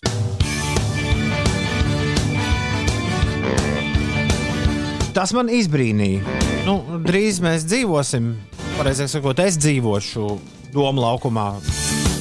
Burtiski, jo tur būs dot pieci stikla studija. Tad paskatīsimies, kas tur un kā. Bet jā, ģimenes ar bērniem bija sanākušas ap eglīti. Likās tas tiešām diezgan mulsinoši. Labi, bet ko nu par to uh, skrienam, skrienam tik uz priekšu? Jā, šajā rītā mēs, diemžēl, esam uh, ieziemojuši mūsu izziņu mašīnu. Ja ir kaut kas ļoti, ļoti svarīgs, atrakstiet mums Instagram. Instagramā 5 rītī, 5 ar burtiem vai jebkurā citā sociālajā tīklā, tad Dūlis to savukārt, savukārt ieraudzīs. Var rakstīt arī e-pastu uz rīti at 5 LV. To mēs arī visi trīs saņemam, vai ne? Rīti Jā. at 5 LV. No 1 līdz 10. Ines, cik vēsti tev ir istabā? Jo man šķiet, Nu. ka es liktu sešinieku sev garāžā. Es varētu kaut kur eh, ap to pašu rezultātu svārstīties. 6, 7. Un Man Ulas, ir milzīgi bieži džempers mugurā, bet tāpat liekas, ir vēsi. o, neredz, es jau es esmu tēkrakliņš. Nu, tomēr bišķi atsedzis. Tā jau varētu vēl sapakoties. Ulas gan sēž kraklā un droši vien vēl pat loks vaļā, vai ne? Man lokus ir mazliet pavērts, jā, līdz ar to arī nav, nav pārāk silti. Ir tāds normāls, svaigs gaiss. Jā, bet Bet nu, tādā augstumā tā labāk mūžums saglabājas un, protams, arī jaunība. tiesa, tiesa. Skābeklis. Tiesa, Un tagad- tiesa. Tad, kad pussešos no rīta ienāku mm, dzīvojamā istabā, tad tā, oh, tāds svaigs, svaigs gaiss. Kad jūs novembrī pārvācāties strādāt uz mājām, jums nebija sajūta, ka nu, tas nav pa īstam. Nu, tajā brīdī, kad jūs runājat, nu, ka to nedzird visi tie cilvēki, kuri parasti jūs dzird no rītiem. Jo man šorīt ir tāda sajūta, man ir grūti, grūti noticēt. Zini, kāpēc? Uh, Nu, nu. Šorīt ir tāda sajūta, tāpēc, ka tu neredzi izziņas. Ir sajūta, ka mēs vienkārši trietā šeit pļāpājam. Arī Gluži tāpat kā vakar vakarā, kad mēs testējām nu, visu padarīšanu. pirms stundas tas bija tik dīvaini aiziet līdz virtuvei un secināt, ka tur skan radio un tur jā, skan tās dziesmas, kuras es esmu uzlicis. Aha, tā tad tomēr kāds to dzird. Ir, ir septiņas minūtes pārpusdienas, astoņiem. Labrīt! Mēs esam totāli notālinājušies, jo man sākas lielais pirms dod pieci, nu kā jau desmit dienas, vai ne? Daudz, daudz piemin mūsdienās desmit dienu režīmu. Man sākas desmit dienu izolācija. Ja ne uzreiz no visas sabiedrības, kaut centīšos, cik vien varu, tad no darba kolēģiem gan. Un tieši tāpēc arī doma laukuma durvis nu, man ir vērtas ciet, sākot no šī brīža. Un tad nu, kopā viss tiek savākts manā jaukajā garāžas studijā, no šīs jaukās garāžas studijas mēs arī dodamies pie jums. Šajā rītā. Tam, ka mēs netiekam pie īsiņām, ar to tam ar garāžu nav īsti nekāda saistība. Vienkārši sakritības tūba. Jums šāds rīts ir bijis jau vienreiz, vai ne? Kaut kad vasarā, tad, kad es biju atvaļinājumā. Jā, mums bija bez īsiņām. Man šķiet, ka mums bija tajā rītā, vai tik nebija arī bez interneta. Ah! Nu tādā gadījumā, ja noplīst internets, tad, tad šis raidījums vienkārši neskanētu. Bet uh, nē, nē, nē, viss kārtībā, viss kārtībā. Tādiem satraukumiem nav nekādu, nekādu pamatu. Antai, Antonijai un Zirkstītei šodien vārdu svētki. Sveiciens Antai, sveiciens Antonijai, sveiciens Zirkstītei, Karmenai Stepanovai, mūsu ilgadējai līdzgaitniecei Latvijas Radio 5,5 LV producentei un, un arī diskžokējam. Daudz laimes Rēnim Sējānam, Sabīnai Žugai. Uh, Sabīne bija no uh, grupas Karusel, vai ne? Jā, jā. Atcerieties, Supernovā. Jā, grupa, kur aizbrauc uz Eirovīziju, uz Izraēlu. Sabīnai Žugai dzimšanas diena, Kristapam Reķim, vetārstam, daudz laimes, Haraldam Šlegelmilham, autosportistam, Demienam Raisam, Tomam Veitam, Āronam Kārteram un Robertam Kubicam. Daudz laimes dzimšanas dienā. Ārons Kārters bija Nika Kārtera brālis, Niks Kārters bija no Backstreet Boys, un Ārons Kārters bija viņa mazais brālītis. Jā. Jā, viņam laikam bija kaut kādas solo dziesmas. Viņš Viena. bija šovos, kaut kādos tur, nu, kaut ko, visu kaut ko darījis popmūzikā. Cerams, ka viņam laimīga dzīve arī joprojām. Lemonade. Es biju sestdienas vakarā. Viss kaut kur ir akcijas. Tiem, kas, tiem, kas ēdienu piegādā, ir visādas akcijas. Un, un uh, pizzas, rīktīgi lētas pizzas pasūtīju sestdienas vakarā ar dēliem. Sēdējām pie, pie televizora, ēdām pizzas. Bērni ik pa laikam man limonādi izlūdzas. Tas viņiem šobrīd šķiet vislabākais našķis, un arī aizliegtais našķis. Jo, kā jau vecāki saka, nav jau bieži tā limonāde jādzer. Bet nu, tad mēs ar dabūju limonādi sadzerties. Jo rīktīgi daudz atved kopā ar tām pizzām. Par limonādi dziedāja internetu monī, tāpēc arī es to atcerējos. Ir 8 un 13. Labrīt! Mums ir atrakstījusi Instagramā Anete. Viņa raksta, labrīt, strādāju no vecāku mājām, tādēļ katru rītu braucu kopā ar jums uz darbu. Kopā ar draugu katrs dodamies savā virzienā uz pretējām Rīgas pusēm. Nonākot Zolītūdē pie darba vietas, sapratu, ka neesmu paņēmusi atslēgu saišķi, kur ir gan manu, gan vecāku mājas atslēgas. Šis notika 6 no rīta, tādēļ ar zvanu nācās pamodināt vecākus, bet tas tomēr bija lieki. Jo nebija paņēmusi laptopu, kas nepieciešams darbam. Tad nācās no Zolītūdas doties uz Sarkandaugu pēc atslēgām, Āgenskalnu pēc datora un atkal uh, uz Zolītūdi, uz mājas ofisu. Tas viss pirms astoņiem no rīta. Labrīt! Nedēļai jābūt jaukai. Man ir grūti izsakot, Anete, taviem piedzīvojumiem, bet, uh, bet, uh, bet jā, es ceru, ka tagad viss ir kārtībā. Zolītūda sarkandaugo Āgānskalns pirms astoņiem izklausās labi. Bet Nu, to visu var redzēt, ka izdarīt. Un tas ir pats svarīgākais. Once in a lifetime, Romija ar Lifetime 8,20 minūtēs. Gan drīz nepaspēja atgriezties pie jums, Ines un Ulu. Gan drīz, gan drīz dabūju rēmdēnu ūdeni lietu tējā. Dažreiz dziesmu laikā nevar izdarīt visu, kas ir jāizdara rīt cilvēkam. Tā ir. Man kaut ko raksta par īziņu mašīnu, bet es neesmu to līdz galam izlasījis. Mums ir rezerves īziņa mašīna. Uzradusies. Viņa ir uzradusies. Ko tur raksta cilvēki? Jā, tur raksta. Es, es vis- vispirms jāsāk ar Instagram, jo tiem mēs iedavām priekšroku. Iveta prasīja, kas bija šodienas Ziemassvētku dziesma, bet vai tad mums ir tāda vienas dienas Ziemassvētku dziesma? Nē, mums nav tāda Ziemassvētku dziesma. Mēs spēlējam jebko no vispopulārākajām Ziemassvētku dziesmām, kādas ir. Un to mēs, kuras ir, to mēs redzam pēc tā, ko jūs klausāties dažādos internetu nu, pasākumos. Jā, bet, bet par īsiņām īsumā Vetārs Kristaps, uh, kuram šodien dzimšanas diena, mums sūta paldies un saka, ka garāžas studijas skanot ļoti labi. Uh, jā, kāds raksta par sakarā ar to, ka Ines, Ines māsai pazudis strauss. Raksta, ka cēlā veikalā bija strausa gaļai akcija. bijusi. Mm, ņemī. Jā, un Dārsa pievienojas man par Kalngālas mežiem un saka, ka vakar tieši staigājis turpat un sajūsminājušies, cik skaisti un kalnaini tur esot. Aha. Jā, tad es, es, es pieminēju, ka Kalngālē ir rīktīgi smukas kāpes un meži. Jā, tad ir geogrāfijas spēle, un, un Canigo ģirds raksta, ka mēs esam tā kā tajā filmā Pirātu radio. Mēs esam gaisā, bet neviens nezina, kur mēs atrodamies. À, jā, nu, tā kā kuģītī kaut kur apkārt braukāt. Es ļoti ceru, ka jums ir nu, tāda maģiska sajūta. Tad, kad es vienreiz te viens pats pēc Jāņiem divus rītus plosījos, tad man rakstīja ļaudis, ka viņiem ir sajūta, ka viņi klausās kaut ko, kas viņiem patiesībā nebūtu jāklausās. Nu, Nu, Kaut proti, ko slepenu. Nu, jā, jā, jā, tur šķūnītī DJs ielīdis un spēlē dziesmas, dziesmas šādas, dziesmas tādas. Bet uh, šis ir rīta raidījums parastais, vai vismaz mēs mēģinām izlikties, ka šis ir rīta raidījums parastais. Un, un Ines eh, tagad stāsta, kas notiek. Mazliet par sastrēgumiem eh, Rīgas ielās. Nu, Cik man uh, ir ziņas no Baltika Maps, tad šobrīd Lubānas ielā posmā no Mērāna ielas līdz Saharova ielai ir jārēķinās ar 11 minūšu kavēšanos.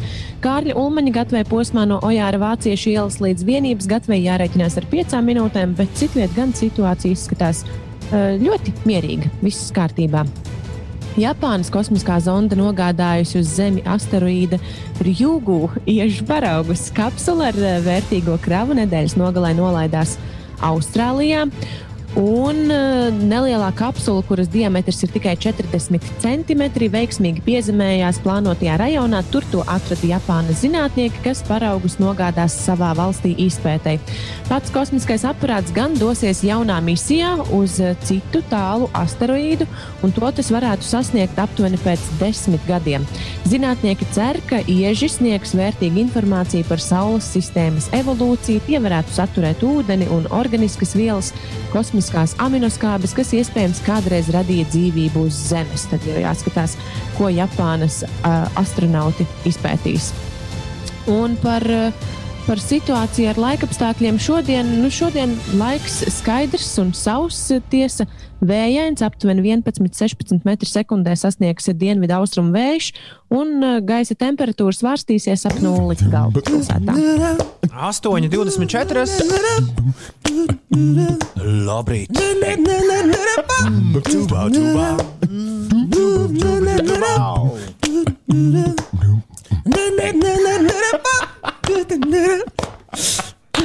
Tā tālāk. Ja? kādā durītē tu esi? Apmēram, Es esmu visās, starp Ah, citu. okay. Priekš intro jau taču derēs, ne? Kur gan esi tu salatētī? Salatētī! Darbā svētku balebries salatētī! Salatētī! Daudz dāvanu gribu es salatētī! Īpaši dārgās seķītes salatētī! Un tagad seko ļoti izteiksmīgs raps. Jau. Nevis kaut kāds tur tīņu traks. Var jau būt, ka neesmu Kendriks Lamārs, bet svētkus svinēt man ļoti gribās. Mēs firmā visi esam priecīgi, jo ārā balts un pūkains ir sniegs. Un pastkartes mums ir pilna kastīte, bet dāvanu gan nav itnenieks. Un izrādās, šogad neviens vēl nav redzējis viņu vīru ar sarkanu degunu un nēsdodziņu. To, kurš vienmēr grauž gardu pīrādziņu un bārdā savās drupaču kolekciju. Kur klausāties, esi tu salatētī? Salatētī. Vai ziemeļbriežus jūdzis, esi salatētī? Salatētī! Kā gājis tev visu šo gadu? Salatētī! Salatētī! Vai iesnaudies tu esi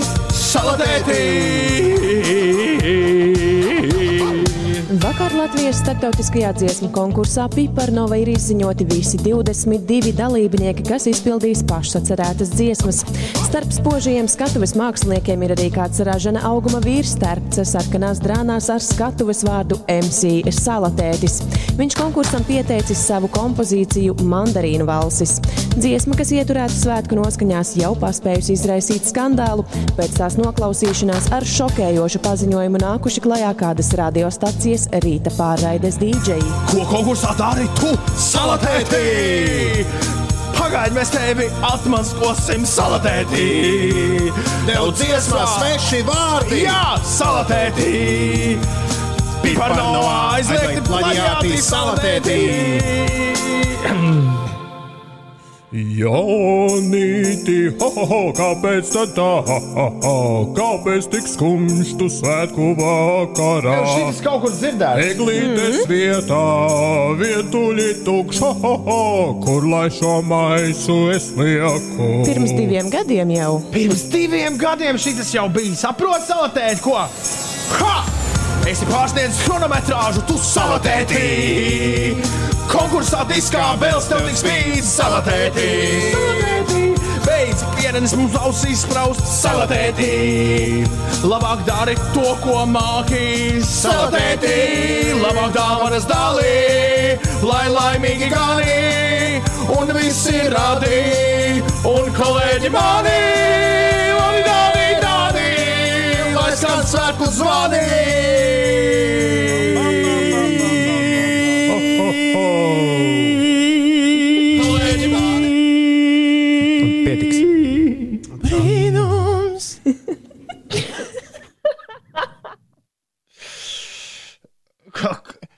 Galīgi nebija slikti, bet kaut kas beigās tur sagāja zarā. Vis, visvairāk man patīk šajā, šajā pasakā tas, ko es, protams, biju aizmirsis, ka es tur esmu vairākās balsīs. Nu, proti, es, Jā, tu es tur vi- visu kaut ko daru vienlaicīgi.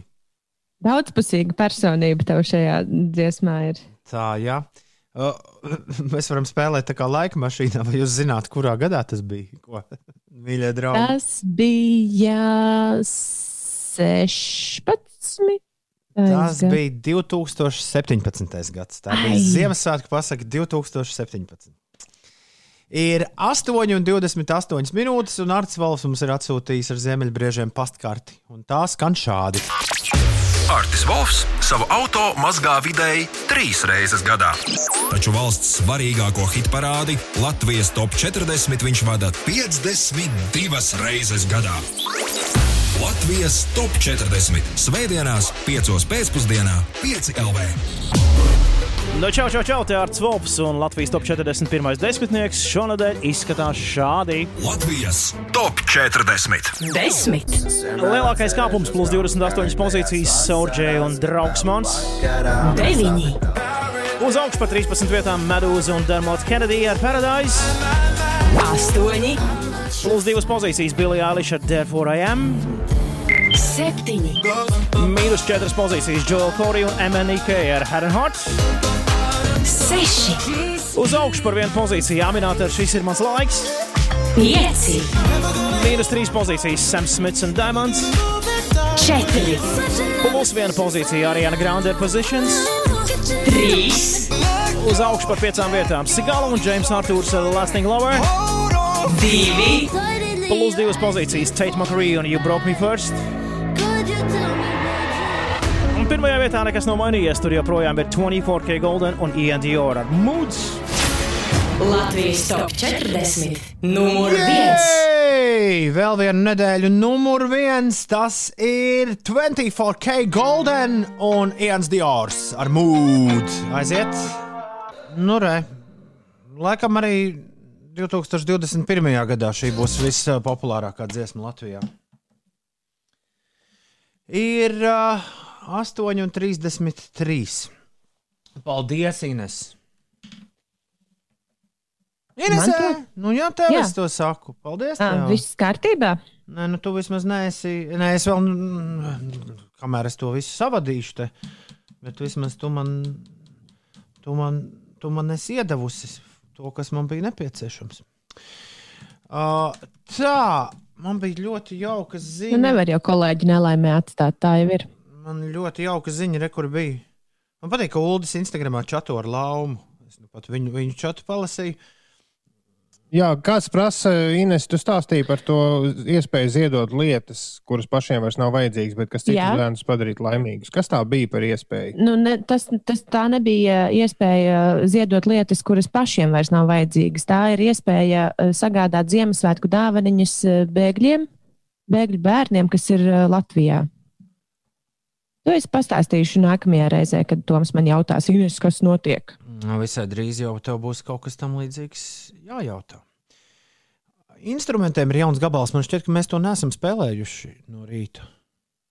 Tas ir saistīts ar, tas ir saistīts ar otru lielo labdarības pasākumu, kas notiek pirms Ziemassvētkiem. Eņģeļi pār Latviju šogad ir sakopojuši un apkopojuši veselu lielu kompaktdisku ar daž dažādām Ziemassvētku dziesmām. Pirms uh, dažām dienām, man liekas, piekdiena tas bija no rīta, kad mēs klausījāmies jaunu Dona gabalu. Mēs dzirdējām Dona dziesmu. Interesanti, ka tā dziesma ir veca Dona dziesma. Viņš jau viņu vienreiz ir bijis ierakstījis pirms ļoti daudziem gadiem. Tagad tā ir jaunā, jaunā oranžijā, bet nu visas, visas dziesmas ļoti jaukās svētku skaņās arī šajā labdarības albumā.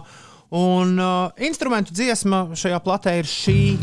To sauc skaisti savāds. Skaisti salāts. Skaisti salāts. Es tevi Ines? dzirdu.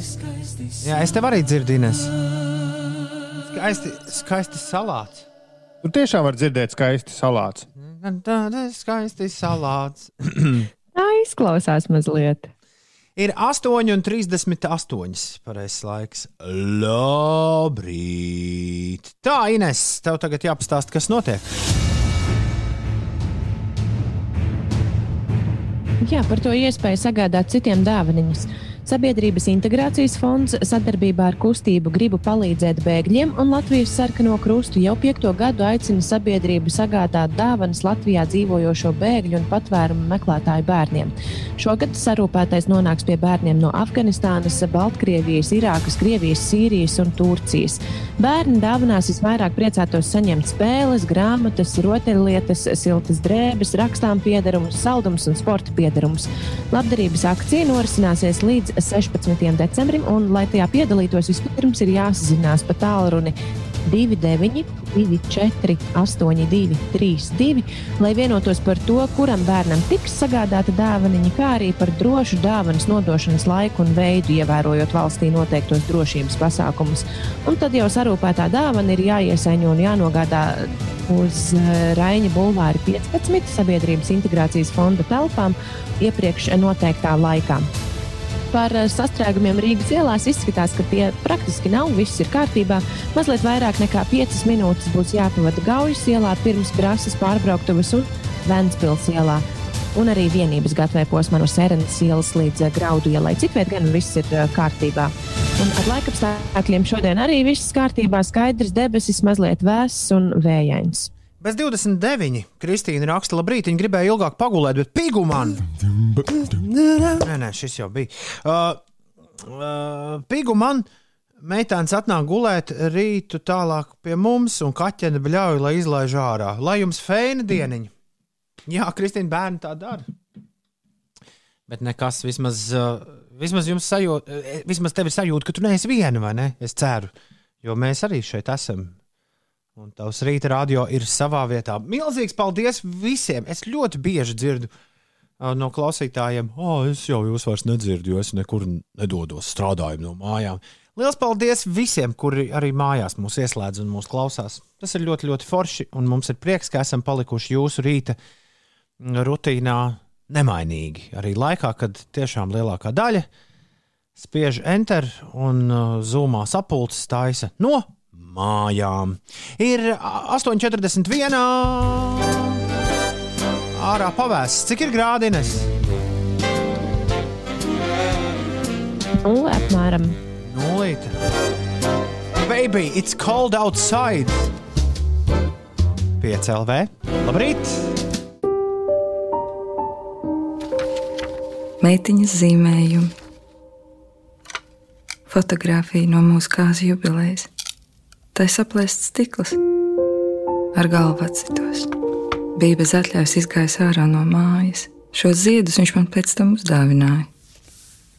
Mani mati. Tos viņš nu pat man izrāva, jo zupa bija par sāļu. Kā lai tiek ārā no šī apurtā loka? Piedalies labdarības maratonā, dod 5 un ziedo ar dziesmu. Tavi 5 eiro būs stunda drošībā cilvēkam, kurš bēg no vardarbības ģimenē. Palīdzi izrauties! Aicini sabiedriskie mediji sadarbībā ar Rebaltiku un Ziedot LV. Ienāc dot 5 LV. Oi, līdz šī gada labdarības maratonam dod 5 vairs 10 dienas. Nu, ir pēdējais mirklis, ja vēl kas jautājums to jautāt par dot 5. Pagaidām viss, pagaidām viss izskatās tieši tā kā, tā kā jāizskatās. Uh, Man šķiet, ka tuvākajās dienās sāksies stikla studijas būvniecība. Ulu un Ines, jūs mē, būsiet kaut kur doma laukuma apkārtnē. Jo savādāk mēs to nekad neuzzināsim, ka stikla studija ir sākuši būvēt. Hmm. Man rītdien ir jābūt, kā es pārbaudīšu, bet man šķiet, ka plānoju būvēt sākot no trešdienas. Šķiet, ka jā, šķiet, ka jā, trešdien, ceturtdien. Šogad dēļ tā, ka Ziemassvētku tirdziņš nenotiek. Jo loģiski, jā, nebūs, nebūs nekas tirgojas, ne arī, ne arī nebūtu ieteicams lieki staigāt apkārt. Tirdziņa nav, doma laukums tukšs, tikai ar vienu egli. Un, un pavisam drīz mūsu labdarības mājiņa, no kuras mēs raidīsim šī gada labdarības maratonu, dod pieci atkal tiks uzbūvēta, atkal tiks celta. Lielas paldies visiem, kas jau ir laicīgi devušies uz DOT 5LV un izvēlējušies sev mīļas dziesmas, un tās iemainījuši par minimālo ziedojumu 5 eiro apmērā. Ziedošana turpinās, nekas nav beidzies.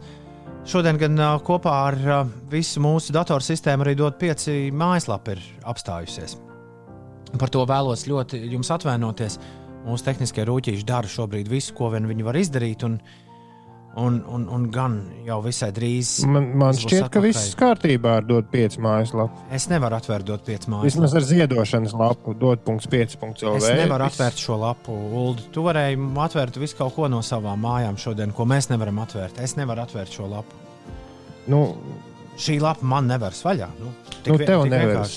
Inesēji veras. Bet eh, man, man veras gan no telefona, gan no datora. Tā ka nav, uztraukumam nav pamata. Nu, cerēsim. cerēsim, ka tā. Uh, jebkurā gadījumā, ja arī ir kaut kādas tehniskās aizķeršanās, kā jau teicu, tās tiks novērstas un, un, un viss, viss darbosies. Un galvenais, lai no 17. līdz 23. decembrim, tad, kad mēs būsim stikla studijā, lai tad viss iet kā pa diedziņu. Uh, no labdarības maratona dod pieci arhīvi. Šodien vēlējos uzspēlēt skaņdarbu, kuru mēs katru gadu klausāmies. Tas ir īpašs skaņdarbs, kuru bieži izvēlas cilvēki, kuri, kuri izvēlas dziesmas par ziedojumiem. Un tas ir uh, skaņdarbs, kurš tikai vienreiz ir nospēlēts dzīvajā studijā. Vārs Vētra viesojās pie mums 2016. gadā, un šī ir dziesma māmiņai, gatavojoties dot pieci.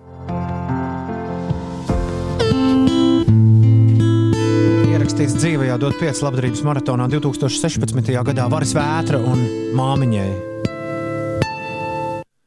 Aija raksta, kāpēc šādas dziesmas pīņķis pa gaisu, bet tikko acis uzkrāsoju. Dusmīgi, bet paldies, lai mierīgs visiem šis laiks. Ab, nu, jā, tāds ir šis pirms dot pieci laiks. Ir eh, mums šis tas visiem kopīgi jāatceras. Labdarības maratons dot pieci šogad veltīts vardarbības tēmai, precīzāk fokusējoties uz vardarbību ģimenē. Un šogad ar Ziedot LV palīdzību mēs veidosim tādu kā pirmās palīdzības fondu cilvēkiem, kur vēlas izlausties no aburtā loka un pārtraukt vardarbīgas attiecības. Bieži vien, lai to izdarītu, ir nepieciešami līdzekļi, kurus neviens negarantē, neviens nesniedz, un kuri bieži vien cilvēkiem vienkārši nav. Katra 5 eiro nozīmē vismaz stundu drošībā cilvēkiem, kuri bēg no vardarbības ģimenē. Un, jā, mājaslapā dod 5 LV, 5 rakstot ar burtiem. Ik viens no jums var sev kādu mīļu melodiju pārvērst ziedojumā, atsūtīt melodiju mums un pie reizes arī noziedot vismaz 5 eiro, kas ir minimālais ziedojums. Mēs sākam pēc desmit dienām, un šis būs varants labdarības maratons dot 5. Par to man nav it nekādu šaubu. Uh, Aivis, man liekas, mums katru rītu raksta. Uh, Katru gadu kopā ar bērniem dodamies iebērt naudu kastītē. Šogad būs tāda iespēja. Skaista nedēļa visiem mums. Pagaidām izskatās, ka būs. Kaut uh, šis man vienmēr liek uh, justies nērti. Mirklī, kad par šo ir jārunā publiski. Jo Aivi, jums ar bērniem nekur nevajadzētu staigāties, izņemot dabā. Bet uh, Pagaidām mēs visi projektējam tā, ka iespēja jums atnākt uz viens studiju. Nu, senāk, Uldī, nu, stāstīt cilvēkiem, ka es, nevajag es, iet karstā dušā, bet būtu labi, ja jūs iet. Es, es šo dušā. frustrāciju apturēšu ar vienu īstu teikumu. Jā, varēs atnākt un iebērt naudu krēkasītē. Labi. Tas arī viss, kas jāzina. Lai tā būtu. Un arī, un arī noziedot pie lodziņa. Lai tā būtu. Ir 8,53. Mums ir kāda interesanta ziņa arī šorīt. Kaut kur. Tūlīt būs viena. ah, okay. Tas ir labāk nekā neviena Ines, vai ne?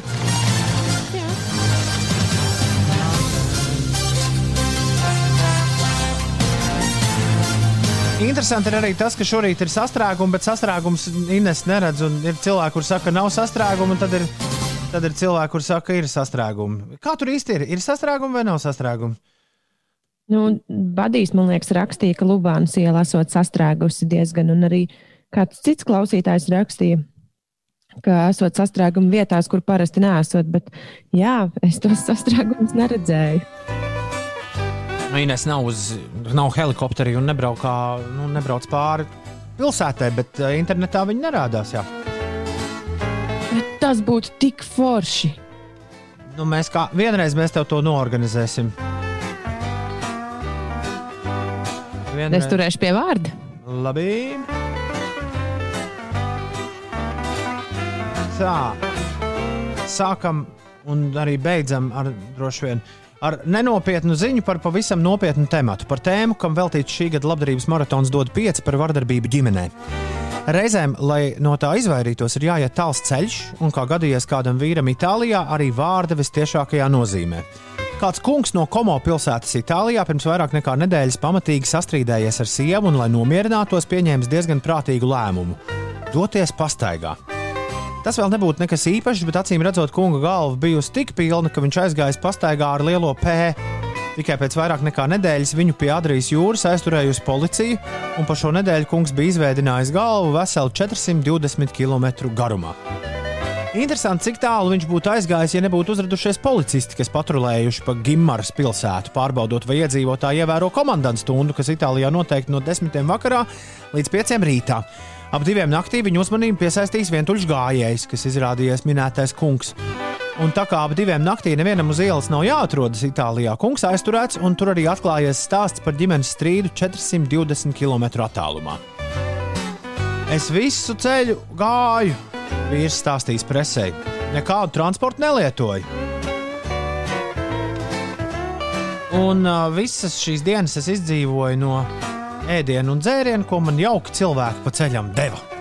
Ar mani viss kārtībā, esmu tikai nedaudz noguris. Pēc īsām pārunām un ziņas nosūtīšanas sievai vīrs palaists uz brīvām kājām, un policisti pat sarūpējuši viesnīcu, kurā pavadīt laiku, kamēr sieva viņam atbrauc pakaļ. Diemžēl šis tracis viņu neatbrīvojas no soda par komandantu stundas pārkāpšanu. Viņš saņēma 400 eiro soda kvīti. Bet, nu, toties ticis visas pasaules interesantajās ziņās iekšā, vai ne? Jā, par šo vīru raksta daudz. Nu, vai nav feini? Vismaz tas ir izdarīts. Un mēs ar kaut kā klubdam, kristam, bet ar savu pirmo absolūti attālināto rīta radio pirms Ziemassvētku laikā arī būsim tikuši galā. Paldies visiem, kas bija šorīt kopā ar mums. Ja kas mums sakāms, tad uh, līdz mēs atkal parādāmies ēterā, tad atrakstiet uz 5 LV. Tā ir tāda forša e-pasta adrese, kuru mēs saņemam, kur mēs saņemam visu laiku. Jā, jūsu rakstītās ziņas. Rīti.5.lv šis viss skanēs tūdaļ pat vēlreiz, un podkāstā e-punkts uz Slipsvītra podkāsts. Vajadzētu kaut kur atrast datoru peli mājās. Bez peles samontēt podkāstu ir vienkārši gatavās šausmas un gatavā sodība. Jā, jā, zinu, es varēju valdu mierīgi viņu vakar no radio droši vien paķert līdzi. un Tur noteikti kāda peli būtu, būtu atradis. Nu, bet piemirsās. Neviens jau no mums tā nepateica, bet, nu, jā. Piemirsās, ka tā nebija iedomājies. Tā ir bieži. Man ir vien. jābrauc, man ir jābrauc šodien uz televīziju, taisīt covid tests. Es varu pa ceļam tev atvest. Jo tu drīksti būt radio. Jā, labi. Nu, es jau neiešu iekšā, es paprasīšu, lai iznes līdz durvīm. Labi, doma nav. Tas gan būs tikai ap 12. Kāpēc tu taisīsi covid testu? Uh, Mums ir jāfilmējas jaungada raidījumam, un visiem, kas piedalās jaungada televīzijas raidījumā, es nezinu, vai šī ir oficiāla publiskojuma informācija vispār. Bet man liekas, Es tas domāju, ir ka tas nav norm- nekas. Nē, es domāju, ka noteikti ka televīzija arī pati to kaut kādā veidā komunicēs. Jā, tas nav nekas neparasts. Ir siekalu tests pie tam neko nestūties degunā. Jā, es gribēju tieši to jautāt, kurš no testiem būs. Nē, nē, siekalu ir vienīgā nērtība, ir, ka pusstundu pirms tam nedrīkst tīrīt zobus un ēst. Un kā es to izdzīvošu, nu nezinu. Pusstundu bez zobu tīrīšanas un ēšanas. Tas būs briesmīgi. Ulta šorīt man pavadināja to, ko es ļoti sen nebiju darījis. Ulds kaut ko garšīgu ēda, kamēr mēs rīt radio darām mūsu video. Īrādziņu. Un es atradu, skrienot uz virtuvi iepriekšējā pauzē, es atradu bērnu tortīlas rīta saceptās, kuras bija palikušas pāri. Tā kā Lapsas kunga filmā, hom, hom, hom, hom, hom, Andri visas sastūm iekšā. Nu, neko, ēdīšu pusdienās plikus griķus par sodu sev. Ai! Skaista jau tā dzīve. Pišķi augsti. Šodien rīktīgi skaista diena būs. Es skatos pa televizorā, webkamerā. Ē, man atsūtīja, atsūtīja bildi kolēģi, ka tiek būvēts stikla studijas. Jums arī pārsūtīja. Vai tas nav jauki? Forši. Labdarības dod pie, maratons dod pieci. Mums ir daudz tuvāk nekā, nekā pa brīžiem pašiem šķiet. Paldies visiem, kas bija kopā ar mums. Lai jauka diena. Volvs tagad no savām mājām tūdaļ pat mums pieslēgsies. Un darba diena uzņem apgriezienus.